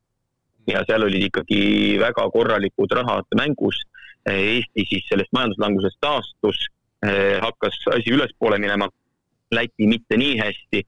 ma ei tea seda rahakasutust, et eks ikkagi raha on, aga, aga sellist professionaalsust on vähem ja täna on tõesti siis kaks arvestatavat võistkonda RTU-st isegi enne hooaega oleks veel rohkemat lootnud, vaadates seda komplekteerimist ja kõike, aga noh, neil on ka päris mitu koroonapausi sisse tulnud, Lätis olid natuke teistsugused need treenimise reeglid vahepeal, et äh, see, mida on Avokel välja toonud, et mingil põhjusel lätlased alati on ohtlikud sügisel ja kukuvad ära kevadel, siis selle poole pealt see aasta on isegi parem olnud olukord. et mängumootor on just nii Riia kui ka Jekapilis paremini tööle saanud nüüd äh, kevadeks. Ja, ja noh, eks näha nüüd ole, kes sinna Final Fouri jõuab. Nad on kõikidele ohtlikud, aga natukene, natukene lahja on see supp, kui sul ongi ainult kaks võistkonda ja siis on ikkagi väga-väga suur kukkumine, kui rääkida Jelga, Jelgavast ja Taugapilist. sest äh, ma just mõtlen seda hooaega, et eelmistel hooaegadel ma tean, et neil ei olnud nagu nii hea, aga just, just see hooaeg, kus nad ju tegelikult mõlemad võistkonnad olid ka ju äh, Euroliigaks ju üles antud mm. -hmm. et et, et neil oli seda, seda finantsi, et see, see tegelikult see asi läbi käia. Aga minu küsimus on nüüd see, et äh, Riia ja Jekapils mängisid omavahel selle Läti meistrivõistluste finaalseeria, mis siis sai äh, viienda otsustava mänguga läbi ja Jekapils selle võitis. nüüd nad mängivad omavahel ka veerandfinaalseeriat, aga küsimus on selles, et kas neil äkki saab see jaks otsa, mängivad selle omavahelise veerandfinaalseeria ka ära ja panna äkki kaks, kaks pool nädalat jutti eriti tähtsaid mänge, ma kardan, et, et ükskõik kumb siis lõpuks finaalturniirile Kuressaarde jõuab, on see Jekapils või Riia, et nad seal võivad lihtsalt olla nii kustunud juba, et nad ei jõuagi korralikult enam meiega konkureerida, kes nad on niikuinii ikkagi, ütleme, natukene meist ju maast tasemelt. Alar on äh,, Alar on nõus no,. seda kohta ei, eks neil on ka ju loomulikult võib-olla kui äh, kui läheb siit edasi, noh, ma ei tea, Riia saaks näiteks edasi, siis neil on kindlasti väga suur motivatsioon, samamoodi on, on äh, Jekapils selline võistkond, kes ei anna mitte kunagi alla ja nendel on noh, selline kõva võitlejate hing on seal sees, et äh, ma ei usu küll, et seal nüüd see, et nad siin madistasid kõvasti, noh, me siin Eestis ka madistasime mingi aja, noh, et okei okay,, on, on näha, et on raske, aga aga ma arvan, et selleks nädalavahetuseks äh, nagu annab kokkuvõtte küll, et see ei ole ka mingi pikk seeria, vaid seal on kaks mängu vaja korralikult ära teha, et, et seda ma küll ei kataks. siin on, äh, kui me räägime nüüd sellest vennatapusõjast, siis äh, hammas on verel kindlasti rohkem lätlastel.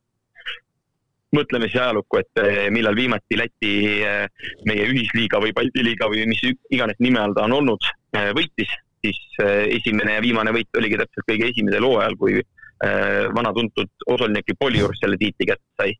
et pärast seda on kõik tiitlid ja noh, ma ei oska nüüd öelda, palju neid, kakskümmend või palju juba tuleb varsti, järjest läinud Eesti klubidele, et nendel on hammas verel ja nad äh, nii omavahelist võitlust kui ka siis Eesti klubide vastu seda tahet näidata on küll ja küll.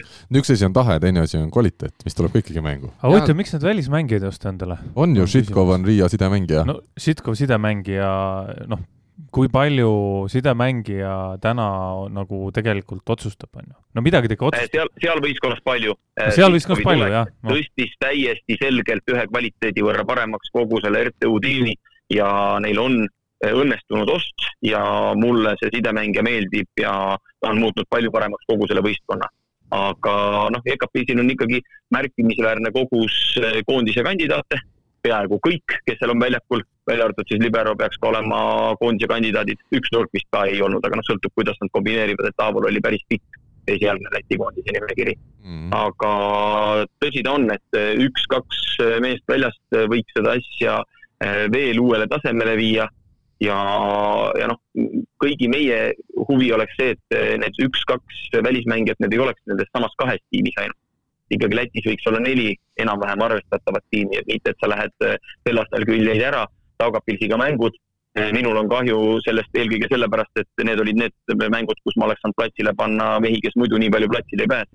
aga see pole ju asja mõte, et äh, oma teist ešeloni mängitada, sest mõni võistkond on liiga nõrk aga eks kokkuvõttes, kui me vaatame Riia ja Ekapil, see duell ongi see ikka kõige põnevam, kogu austuse juures siin teiste võistkondade vastu, siis Saaremaa Karkstai duellis põhiturniiri võitja Saaremaa peaks igal juhul minema edasi, Tallinna Selver, Tallinna Tehnikaülikool, noh, Selver peaks igal juhul minema edasi, Tartu Bigbank, Pärnu, Tartu peaks täna minema igal juhul edasi, et et siin äh, ütleme, minu jaoks kolm poolfinalisti justkui on juba selged, oled sa, Rivo, nõus, et siin peaks suhteliselt ühte auku minema? kuigi noh, Saaremaal võib juhtuda see, et kui Karkstai on tõesti väga heas vormis ja, ja Indrek Pulk ei peaks saama mängida, ja seal ei ole väga head päeva, ütleme, kas siis Tammel või Uuskarel või kellelgi veel, et siis võib seal huvitavaks minna kahe võiduni peetavas seerias, ma usun, Saaremaa igal juhul võtab oma ära.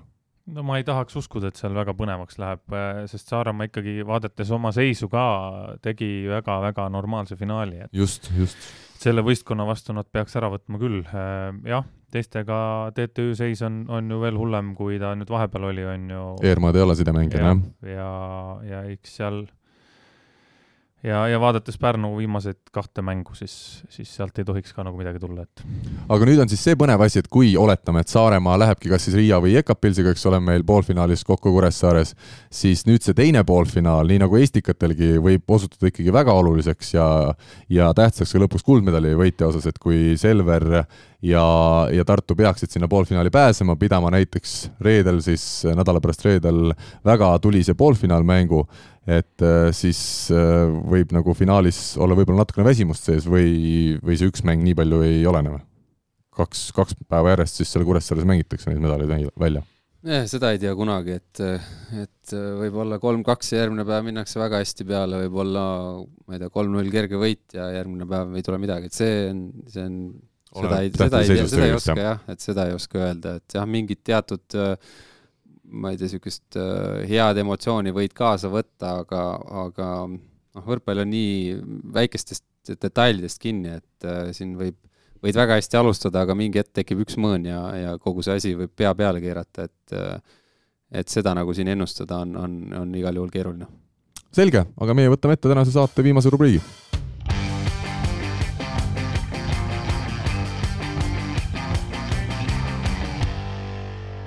nelispordi küsimusmäng siis taas ette tuleb võtta ja, ja hea meelega seda teeme. alustame kohe esimesest küsimusest. Ragnar Pähn, teemaarendus seoses Robert Tähe ja tema kõhulihase vigastusega. et head aastad tagasi sai selline mees nagu Kardo Kõresaar Itaaliasse mängima ja komistas sama vigastuse otsa. minu mäletamist mööda tõsist mängumeest temast enam ei saanudki välisklubide mõttes ja karjääri lõpetas Eestist Äh, teda vaevas muidugi ka hulk teisi vigastusi, aga see kõhulihase probleem võttis ta vist korralikult rajalt maha. PS, ma muidugi ei taha, et Tähel kaugeltki nii läheb, aga ettevaatlikuks ja murelikuks teeb olukord ka tuleviku mõttes. sa alustasid hästi seda Kõresaar äh, komistas, et sellega on üks äh, hea jutt veel. tervitades Kõresaart. et neid nii-öelda siis tossupaelu tasuks hästi korralikult siduda, et ta ka ühe korra komistas selle otsa ja siis tal lõppes see õlalõikusega. issand jumal küll. et, äh, et see siin, siinkohal jah, et sa ütlesid õigesti, komistas.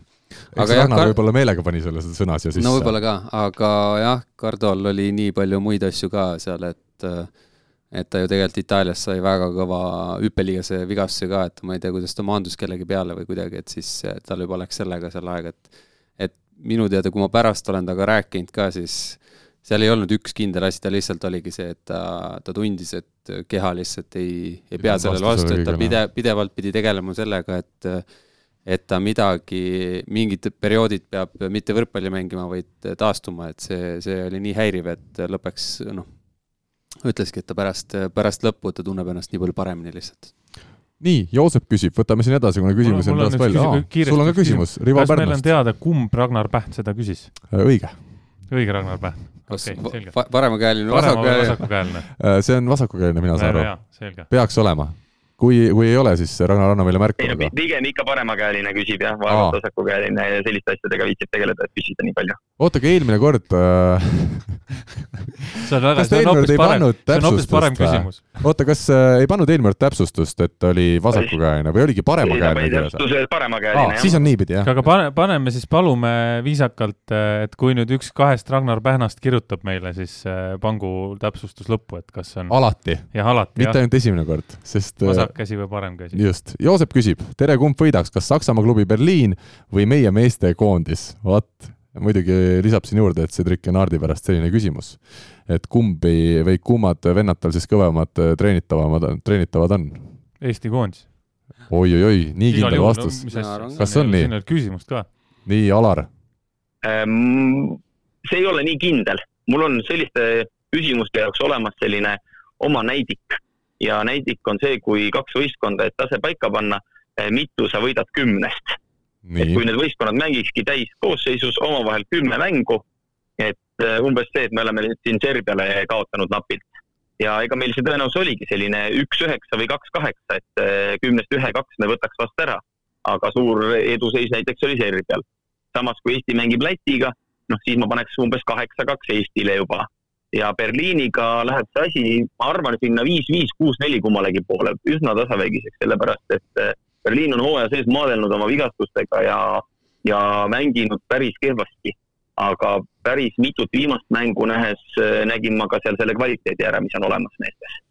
Okay.. ehk siis eh, üsna tasavägised võistkonnad oleks võib-olla väikese eelise patrioodina paneks ikkagi Eesti koondisele jääme selle juurde. põhimõtte pärast peab vastama Eesti koondis. muidugi. Teno Pruuli, meie juba üks lemmikuid küsimuse esitajaid. millises meistrite liigas mängivas klubis võiks kaks kuni kolm Eesti mängijat asendada tänaseid põhimehi nii, et see klubi mängiks endiselt võidu eest? kes oleks need Eesti mehed? vot, mis siis, millise meistrite liiga klubi me võiks üldse võtta, kus me no me peaks ju võtma need võistkonnad, kes on finaalis praegu. no võtame. Eh, seal prooviks kedagi välja hakata asendama no aga Alar, me anname sulle võimaluse, kas Trentino või, äh, või meie Saksa? no ka mõtleme, Saksas äh, sidemängijat on raske asendada. selge äh,. Kaczmareki asemel oleks vaja sellist stabiilselt väga vähe vigu tegevat meest ja võib-olla siis Kaczmareki asemele saaks Oliver Venno panna. kes lihtsalt osavusega hoiab sidemängija, kes tõstab kiirelt, täpselt ja Oliverile, ma arvan, see stiil võiks täitsa sobida. ahah Äh, tempo osakonnas, äh, kuna David Smith on mänginud üsna kehvasti, siis äh, sinna oma olemuselt ja natuurilt, kuna tegemist on väga selgelt plokk, korrektse plokkkaitse võistkonnaga, sobiks Andrei Aganits. ja ongi põhimõtteliselt lahendatud. aga mul on ikkagi kaks tükki, kaks pidimegi vahetama. no kaks kuni kolm, kui sa leiad kolmanda koha ja. ka. no nüüd oleks siis vaja Kohanovski asemele kedagi võimsat tempomeest ja sinna paneme Timo. jah ja meistrite liiga finaalis kolm eestlast nagu naksti. teised, teised on ka nõus kõik.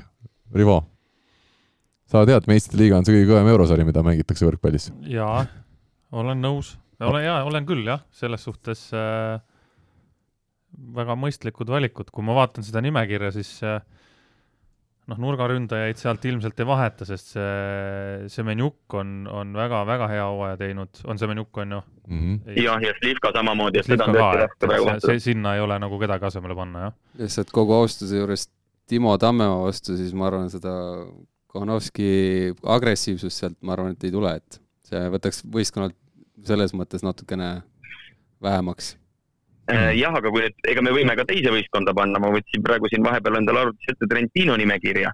et vaadates, kui ebastabiilselt see Michiletto nurgas on mänginud, siis äh, usun, et panna sinna näiteks Robert Täht nurgaründajaks äh, kindlasti võidaksid nad vastuvõtu, üldmängu, kaitse ja kõige muu poole pealt. vastuvõtu pealt ma ei, ma ei usu, vastuvõtult on päris hea olnud. Nojah, ta kõigub, et tema numbrid on ikkagi sellised, et mõni mäng lööb ilusasti ja siis on tal ka mänge, kus ta viieteistkümnest kolm saab maha ja vastuvõtul istub kahekümne protsendi peal, et ta on väga üles-alla mees. ja noh, teine, keda potentsiaalselt üldse siis vahetada Trentinos, kuna Lissinats on ikkagi tempomeestest eh, nii võimas eh, jõud, siis pigem Podraskanini asemele oleks vaja tempot et selles mõttes saaks küll, no ei, täpselt ei tea, kui palju mingitel hetkedel võib-olla natukene mingi tase natukene kõiguks, aga, aga noh, mingi teoreetiline võimalus, võimalus on olemas ikka. aga läheme edasi. aga siin, siinkohal jälle me jõuame selleni, et, et see, need on tempomehed, on nagu eriti nagu need, keda saaks. jah Läheme edasi, Silver Päev küsib. tere mehed, olen pikka aega kuulanud teie saadet, väga mõnus ja äge saade. aitäh sulle, Silver. kuldset geimi kuulan iga nädal ja loodetavasti pole minu küsimusi veel ette tulnud. nimelt, kas võrkpallimaailmas on ka nii-öelda transfer window, nagu on jalgpallis ja kas free ütleme siis eesti keeles vaba agente saab terve hooaeg endale tuua. no tegelikult see on vist asi, mida võrkpallisõbrad teavad, aga kordame üle siis, Alar, sa oled meil treener, äh, võib-olla ütled lühidalt ära, kuidas mis perioodil võib mängijaid tuua? erinevates riikides on need äh, tärminid äh, teistmoodi sätitud, on riike, kuhu sa võid äh, näiteks Katari näitel, et sel hooajal äh, rääkisin täna just Oliver Vennoga, et nende hooaeg on läbi, Amir Cupis nad finaali ei jõudnud, finaal mängitakse ära ja siis Katari hooaeg lõpeb. Esialgu üks karikas oli veel planeeritud, et Rivole tore uudis, et siis oleks päris kuuel erineval tiitlil vist saanud Eh, sõna sekka öelda. väga kahju, et väga kahju, et seda ei toimu, ma nii väga ootasin seda viimast tänu kehvenenud koroonanumbritele otsustati see ära jätta, et aga sinna on noh, tõesti ja on neid maasid nagu Liibanon ja Saudi Araabia veel, kuhu päris eh, kevadel, kui mujal on hooajad läbi, veel viimasteks turniirideks võtta.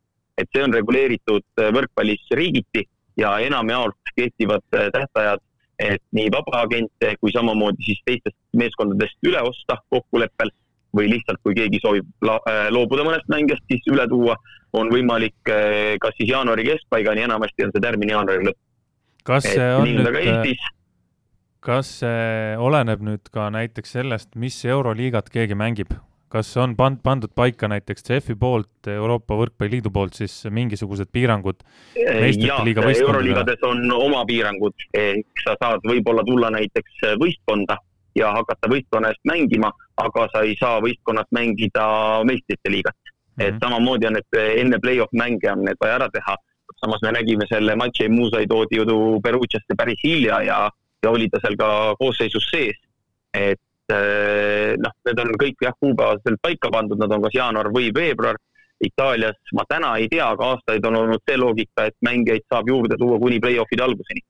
Et isegi veel pikemalt on võimalik äh, mängijate vahetusi teha, pluss äh, peaaegu kõikides liigades kehtib siis selline medical jokeri variant ka hiljem, mis tähendab, et kui mängija on saanud vigastada, siis sama mängijat asendada on võimalik ka pärast ülemineku tähtaja kukkumist kui siis on vastav arstitõend selle kohta. kuule, aga Alar, kas me võiks üldse nimetada vahel ümber mitte medical joker, vaid medical joke lihtsalt, et kui me vaatame Markus, kellel ka tuli ju välja, et see põhisidemängija, kes nii-öelda vigastada oli saanud, sel polnud tegelikult häda midagi, ta oli varsti seal tagasi ja seal oli nagu lihtsalt äh, skeemitati, et saaks uue mängija tuua võistkonda? jah, see skeemitamise variant on olemas täitsa ja ongi natuke joke selle poole pealt, aga teistpidi saan ka aru, et kui sul ikkagi mees on katki, sellest me oleme rääkinud, et vahepeal on neid imelisi tervenemisi, aga kui sa hakkad hooaja otsustavas faasis mängima ja sul sidemängija ongi vigastatud, eh, siis on igati aus selle võistkonna suhtes, et eh, võist-, et hooaeg ei jää pooleli tänu mingisugusele õnnetusele, vaid hooaeg saab arvestataval tasemel lõpuni mängitud mm.. samas, kui reegel lubab, siis why not? nii, aga Rivo, sulle veel küsimus, meil saime siin kurva teate vahepeal, et Oliveril siis hooaeg läbi, aga kui nüüd oleks üks turniirivõimalus veel panna, siis mis eh, turniiri nimi võiks olla või kes seal võiksid mängida seal? noh, lihtsalt selline mõttekäik. seal on palju neid võistkondi oli, kes seal mängib? noh, mõni on. üldse nagu neli või viis või kuus või? seal Katari liigas sa mõtled või? oleneb, palju šeikidel kokku, kokku on ikka natuke rohkem neid võistkondi, ma võin kohe kontrollida, aga peaks olema kaheksa. ei, rohkem veel isegi. Kümme võistkonda isegi, aga kõikides sarjades, osadesse sarjadesse, et nad üldse pääseks, näiteks Amir Cup, siis oli veel kvalifikatsiooniraund, et nad sinna peale saaks ja nii edasi, et mm. kümme võistkonda. kvalifikatsiooni võita sai ka minu teada karika. Ja, siis, iga asjast saab karika. siis siis võiks teha mingisuguse Cup Winners, Cup Winners, Cup Winners, Cup Winners, Cup kus mängivad kõik karikavõitjad. super, mega ehk siis kõik äh, turni-, kõik üldse osalenud äh,, hooajal osalenud võistkonnad äh,. jah, ei, võikski olla nii, et, et kõik, kõik, kes on jah. midagi võitnud, need saavad otse, on ju, peale. ja teised ja need, mängivad omavahel karika välja, kes pääseb. kvalifikatsiooni, väikse karika, kes saab siis sinna suure karika mängudele peale kõikide karikate siis paned see, et on äh, best, best cup winner või? jah, best super mega cup hüper. aga väga tõesti, Alar, see oli kurb uudis minu jaoks, ma just seda ootasingi, seda viimast no mis me teeme nüüd, mis me teeme nüüd? kõik, jääb saade ka pooleli või? teeme lõpuni? ei no teeme ära. kannatab ära. nii, aga Silveri teine küsimus. kui vanalt lõpetas läbi aegade vanim professionaalne võrkpallur äh, oma karjääri? Vot. kas ta ise vastas ka, jah, siiani mängib kas ta ise vastab ka sellele või? ei, ta küsib Silver on küsija, meie oleme vastarollis. Äh, vot äh, Alar. aga mida, mida me, mida me võtame nagu professionaalse mängijana, et kas ta siis nagu see, et kes saab palka no,? ja mis piirist see palk on, ma tean, et seal mingisugune, Alar, sa, sa oskad öelda kindlasti, äh, kes see oli, kes mängis Itaalias, sidemängija, venelane minu arust oli ei tule praegu meelde, mina pa... hakkasin natuke mõtlema, ma jõudsin sinna neljakümne esimese, teise eluaastani, mõeldes siin endal enda riigist meil Aavo keel Gert Toobal, eh, mõeldes samas vanuses oli Tetjuhhin, üle neljakümne oli isegi minu arust Briti, kui ta veel viimast aastat kas ta Itaalias mängis, siis eh, USA koondise nurgaründaja, kes pärast seda hakkas randa mängima. Mm.. et eh, kuskil seal neljakümnendate alguses, aga jah, nüüd kõrgemal tasemel mul ei tule praegu meelde, et oleks, oota, aga kui me nüüd mõtleme, Brasiilia libero, mis vanuselt meil lõpetas? ütle see nimi, mul on see keele peal Serg-, ei tule mul. Serg-, Sergio. Sergio, Sergio, Sergio. Äh, nii, meil on, äh, ma ütlen ka kuulajatele, meil on internet on tasuta saate ajal ja, ja Sergio oli siis, ta on seitsekümmend viis sündinud, ehk siis tänasel päeval on ta nelikümmend viis ja ta lõpetas kaks tuhat kakskümmend, nii et noh, nelikümmend neli ta veel mängis. Jah, üsna rekord võib äh, see olla. aga minul tuli siin. loogiline, et see on kas libero või Äh, sidemängija, ega Prantsuse koondise libero Henno mängis ka päris pikalt. aga minul tuli siin tänavusest hooajast Eesti liigast üks nimi meelde. ikkagi Pärnu sidemängija Aavo Keel, ta saab Pärnust raha ja ta ikkagi treenis ka võistkonnaga siis, kui Voogelit ja Marti Keelt ei olnud vahepeal, ta pani neid tõsteid ette meestele ja Aavol on täna vanust viiskümmend kaheksa eluaastat. et noh, väikese mööndusega ka Aavo võiks veel nimeta ikkagi professionaalseks sidemängijaks Äh, Rivo, sa vahepeal vaatad telefonis, loed kokku midagi? kas sul tuli ülekanne Venemaalt? kas on äkki Kamuts Kihh oli see, kes mängis päris pikalt kuskil äh, äh, ma vaatasin, et ta on kolmekümne üheksaselt valitud veel parimaks sidemängijaks Euroopa meistrivõistlustel ja kolmekümne ühe või kolmekümne kaheksalt, kolmekümne üheksaselt oli pronks Pekingi olümpiamängudel. et selle järgi võiks öelda, et ta mingi paar-kolm aastat äkki kuskil klubis veel mängis, aga, aga mul kuidagi on meeles keegi sidemängija, kelle vastu meie mängisime isegi Pärnu võistkonnaga mingit eurokarikat, äh, ka Itaalia võistkonnas mängis, aga, aga praegu ei tule meelde. niisugune vend oli, kelle aseme, kes plokis ei käinud aeg-ajalt, kes põgenes plokist ära ja siis kaks suurt meest. siis, kui te mängisite niimoodi, et plokis ei käinud, siis oli hoopiski itaallane ja tänaseks legendaarne treener äh, De Giorgi oli see, kes mängis väga pikalt ja ta oli ka kas nelikümmend neli või midagi sellist, kui ta oma karjääri lõpetas, kui mälu ei peta täi-, täitsa võimalik jah, täitsa võimalik, et seal, et see sinnakanti kuskil nelikümmend neli, nelikümmend viis võib-olla küll. jätkuvalt äh, jõuame siia, et meie tänane saatenelik võiks veel kõik kenasti võrkpalli mängida, tõsiselt. Sul oleks veel kõvasti aega. no jaa, seda aega muidugi on vaja kõvasti veel, sest et siin läheb aega, enne kui kuhugi üldse jõuda aga Adrian küsib, tervist, kas oskate soovitada mõnda head võrkpalliteemalist filmi? korvpalli kohta on väga palju häid filme, no ta siin loetleb neid ka ette, aga võrkpalli kohta meenub ainult lapsepõlvest üks film, kus koer platsil tegusid tegi. vot seda koera kui siis need Jaapani multikaid? jaa, neid on kõvasti, aga kõvasti õppida, kus hüpata, kui kõvasti lüüa. ja kui kaua õhus olla see on minut umbes. lennufaasi saab sealt õppida. jah, sealt saab ka lennuloa, nendel mängijatel lennuluba juba. aga Alar, me ka sinuga jõudsime tegelikult ühe väga klassikalise filmini tuhande üheksasaja üheksakümnendatest aastatest, ole hea, ütle see nüüd kuulajatele ka film Kaldal õhutud, kus äh, võrkpall küll ei olnud äh, päris peaosatäitja, aga oli kõrvalosatäitja ehk siis üksikul saarel kaaslaseks oli üks Wilson, kes võrkpallina mängis olulist rolli, kuigi võrkpalli seal filmis just ei mängitud. Jah, Tom Hanks oli siis peaosas, aga mis mind üllatas, oli see, et see Wilson ei saanud ka Oscari nom nominatsiooni kõrvalosa eest, kuigi minu arust väga selline lummav, tagasihoidlik, eestlaslik just selline äh, roll, et ega ta ei, ta ei hoidnudki nagu, ei tahtnudki sinna Hanksi kõrvale minna, vaid ta tegi oma rolli väga, väga hästi ja sedasi usutavalt ära, et Alar, sa ka filmikriitikuna oleks ka, eks ole, väärinud seal mingit autasu rohkem oi kindlasti ja üks, millest me ka siin arutasime, on siis äh, multifilm, animafilm Miila Superstaar.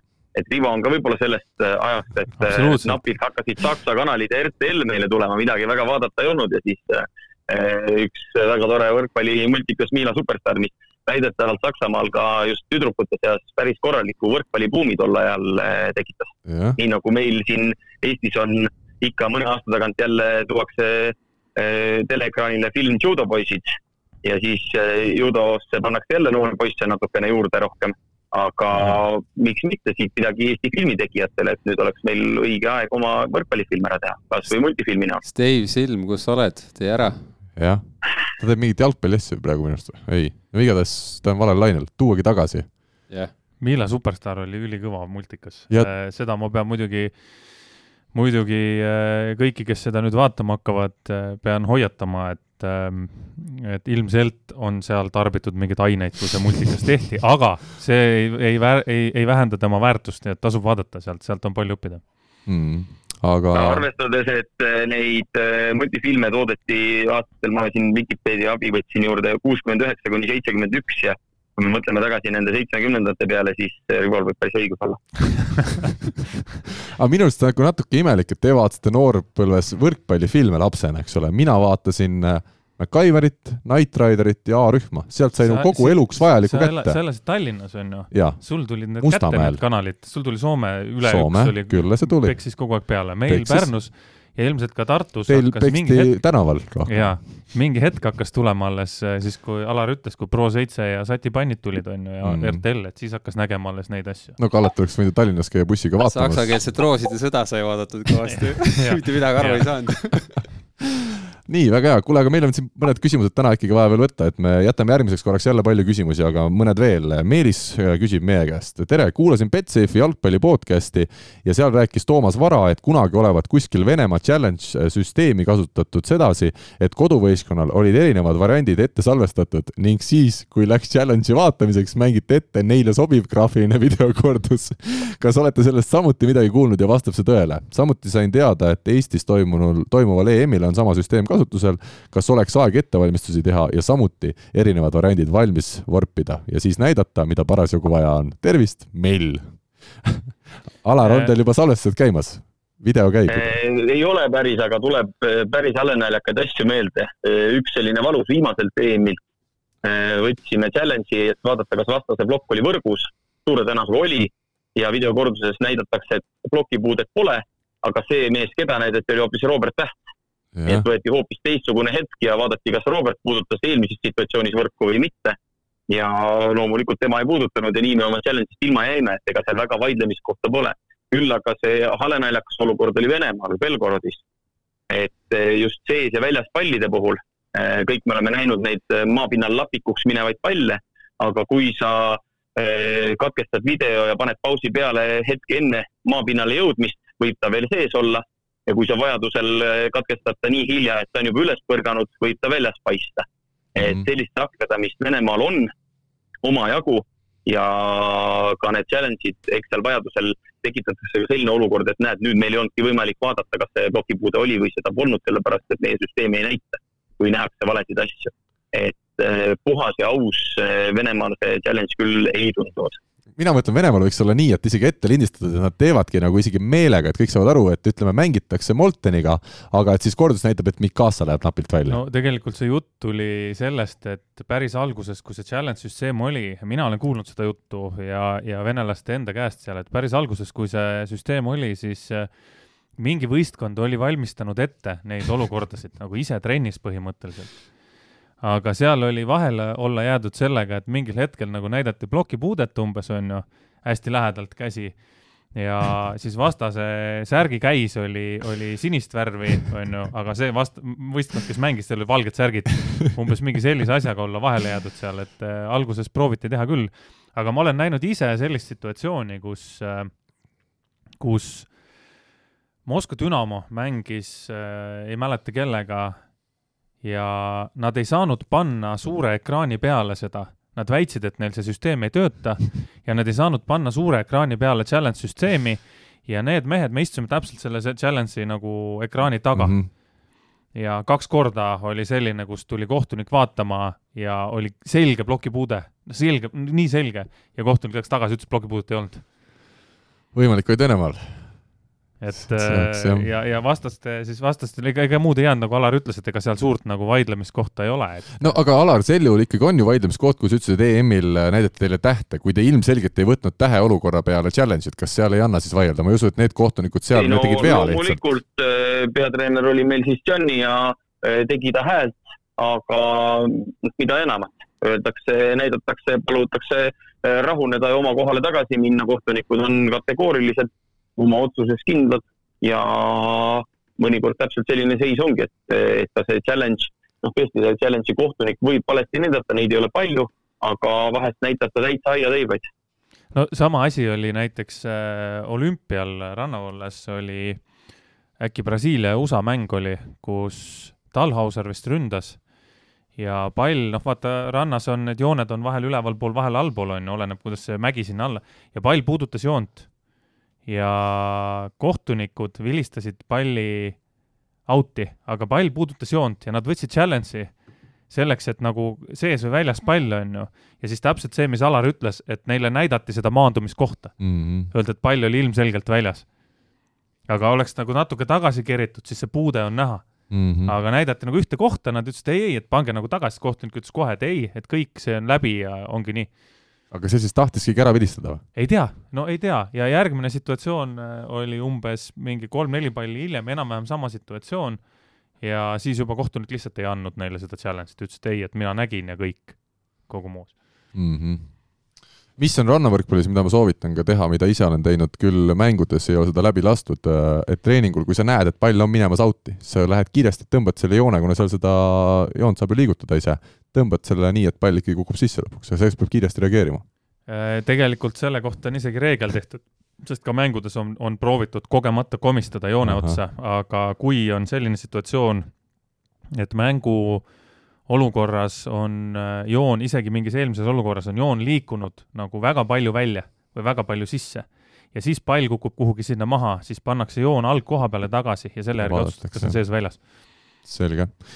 nii et sedagi mina ei saa enam rakendada edaspidi, aga Kaspar Pomerants, tervitame siin äh, võib vist öelda endist mängijat ikkagi meistriliiga tasandil ka mänginud, nüüd esiliigas mängimas. hommikust mul tuli idee seoses teie aruteluga võrkpalliülekannete kohta, aga ma ei tea, kas sellest abi üldse on. mõtlesin sellise lahenduse peale, et näiteks telemängudes, kas siis vahetult enne mängu või game'ide vahepeal näidatakse selliseid arvutiga tehtud lühiõpetusi, kas siis mängureeglitest, mängijate asetustest, ülesannetest või millestki muust äh, ja mingid asetusvead või selline üldine mängu õpetamine või selgeks tegemine võiks siis võhikutele aset leida, et äh, nagu näiteks saates Rakett kuuskümmend üheksa, kus peale ülesandeid näidatakse sk äh, skemaatiliselt kuidagi see lahendus ette, et äh, ma olen selle ideega nagu sada protsenti nõus, sest ma tean, mul on omad ka kergejõustiku mõned sõbrad, kes on meie saadet hakanud kuulama ja tänu sellele ka Eesti Võrkpalliliiga neid teleülekandeid mängi-, jälgima hakanud ja ja nende jaoks ikkagi, sa võid isegi, sa ei saa isegi alustada sellest, et kust nurg-, nurgaründaja ründab, vaid sa pead alustama sellest, et mis see üldse nurgaründaja on, sest nad on kuulnud neid nimetusi kõiki ja teavad, et näed, Märt Tammeru võib-olla on nurgaründaja, aga et mida see tähendab, et mis see teistmoodi on kui diagonaalründaja või temporündaja, et see ikkagi see võrkpall on keeruline ala ja tõesti sellised klipid, kui neid hästi teha, need sobiks päris hästi sinna vahele vist. ja igal juhul sobiks jah, mingi, midagi on nagu tehtud ka, aga need on üleüldiselt niisugused õpetused mingitele lastele, aga ma arvan, et see nagu ei ole niisugune koht, kus võib-olla päris mm., päris seda näidata, et nüüd oleks jah, niisugune eraldi vaja need klipid teha, aga eks see on selle, selle tegemise taha praegult jäänud ka ja ja kui palju sul on seda eetriaega, kuhu sa saad seda panna, et see on, see on, need on omaette küsimused, et äh, loomulikult ma ei tea, siin võib-olla EM-i ajaks oleks võib-olla niisugune päris nagu äge no ja teine asi on teha need valmis, need klipid, näiteks Eesti Meediale võrkpalli, võrkpalliliidu poolt laiali saata, et enne EM-i näiteks, ma ei tea, mitu positsiooni meil on, neli-viis positsiooni, et need kõik nagu läbi teha ja kõigi jaoks seletadagi lahti, et näed, täna meil on libero positsioon, seal Silver Maar või Rait Rikberg midagi räägib kõrval ja siis ütlebki, et millal tema on väljakul, millal ei ole. et äh, aitaks selitada natukene, Alar, ma usun, sa oled ka selle ideega nõus, et, et see aitaks. Neid on ajaloos tehtud, et kas või minu enda vend, et nagu Andres ütles, et nad olid lastele suunatud, aga neid ka jagati internetis ja enne EM-i on täpselt see aeg, kui kui võiks eh, nii inimesi informeerida kui natukene siis turundusse panustada. Ja selge on see, et võib-olla vahetult enne mingisugust EM-mängu selleks aega ei ole, küll aga need eh, nädalad, kui on selle EM-i ootus, eh, võiks igasugustes erinevates meediakanalites siis äh, alates sotsiaalmeediast lõpetades, miks mitte ka teles, kus need mängud tulevad äh,, mingisugused võrkpalli asjad joosta, et neid saab teha intervjuude käigus, neid saab teha intervjuu pluss siis reaalselt näidatakse need tegevused saalis ette ma loodan, et läheb küll lahti selline aktiivsem igasuguse turundustegevuse läbiviimine enne EM-i see on väga, kusjuures see on väga hea mõte ja sellest me just enne saadet rääkisime Karliga ka natuke. minu nägemus oleks sellest see, et et ta võiks olla pool läbi nagu huumoriprisma, mis kõnetab ka siis teisi inimesi, mitte neid, keda nüüd hirmsalt võrkpall huvitab, et kui see teha nagu väga niisuguseks kuivaks ja tehniliseks, et no, siis näiteks ongi Rait Rikberg on väljakul trennis Alex Saaremaaga koos, on see võttehetk siis ja Rait ütlebki, et näed, Alex jõuab nüüd tagaliini, tõmbab Alexi väljakult ära, et näed, tema on temporündaja, aga tema tagaliinis mängida ei oska, nüüd olen mina, Rait Rikberg, libero ja mängin tema asemel kogu selle tagaliini kolm asetust, noh, midagi niisugust lõbusat, jah. niimoodi või siis panna sinna mingisugused äh, professionaalsed koomikud, kes kes teevad nalja, aga samas seletavad sul selle süsteemi ilusasti lahti, et mm.. no ehk siis näiteks Tõnis Niinemets mängib kõik äh, positsioonid läbi aa, ma mõtlesin, Rivo on meil ju professionaalne koomik ja. ja nagu me täna teada saime, mitte ainult endine temporündaja, vaid ka endine suurepärane libero ja nurgaründaja. juhul, kui oleks antud võimalust. me oleme kõik endised suurepärased igasugused mehed. ma olen ka endine suurepärane korvpallur näiteks. ahah, selge. Äh, Kaspar jätkab siin äh, ja ma siis äh, võtan, äh, võtan ette selle järgmise küsimuse. mis kohale võiks Grade kakskümmend neli meistriliigas selline võistkond tulla, kui ükski mees ei tohiks oma positsioonil mängida? mis võiksid olla need positsioonide vahetused põhikoosseisu valikul, lähtuda mängija õigest positsioonist, võib-olla on selline küsimus juba olnud. no midagi natuke sarnast me oleme arutanud, jah? me oleme arutanud seda, me oleme kõik need ümber tõstnud Just. ja saanud sellised napilt, kuna keegi on kuskil kunagi mänginud, siis me oleme saanud sellise võistkonna kokku, et me võiks nagu napilt pronksi peale heidenda küll selle tiimiga. no vot, aga viimane küsimus tänasesse saatesse, kes on siis Eesti võrkpalli kõige mõjukamad inimesed kahe tuhande kahekümne esimese aasta kevadel? ja no siin peab selle Facebooki küsitluse lahti võtma, aga seal olid ikkagi kaks halli kardinali, kes ei ole sugugi hallid, vaid nad ikkagi on väga värvilised ja kogu aeg ka sellest märku annavad. Hanno Pevkur, meie alaliidu president, sai siis kõige rohkem hääli või praeguse seisuga on saanud kõige rohkem hääli ja temal siis seitsekümmend kaheksa häält ja Rivo saad kuuekümne kuue peal, kas sa plaanid teha mingit lobitööd, et see ikkagi tõuseks veel esikohale? E, jah, mul esmaspäeval hakkab kampaania, suur, suurem kampaania telekanalites ja, ja välimeedia ja, ja kõik on kaasatud, et. kas ka Vene meedia? see tuli lihtsalt nii ootamatult, sa ei jõudnud seda kampaaniat teha. E, no ma teadsin, ma teadsin, see tuleb, ma lihtsalt arvasin, et see tuleb natuke hiljem ja, ja koroona lõi ka natuke plaanid sassi, et jah, ma olen kaasanud ka ETV Plussi. aga Vene riigitelevisioon? Perv, Pervõi Baltiski kanal, kõik on, Must TV on ka. Latvi Laabi. Must TV, mis on noorte seas väga populaarne muusikakanal, on ka juba kokkulepped tehtud, nii et äh, kas sa ka mingi muusikavideoga tuled välja seoses sellega? Äh, see tuleb hiljem. see tuleb hiljem?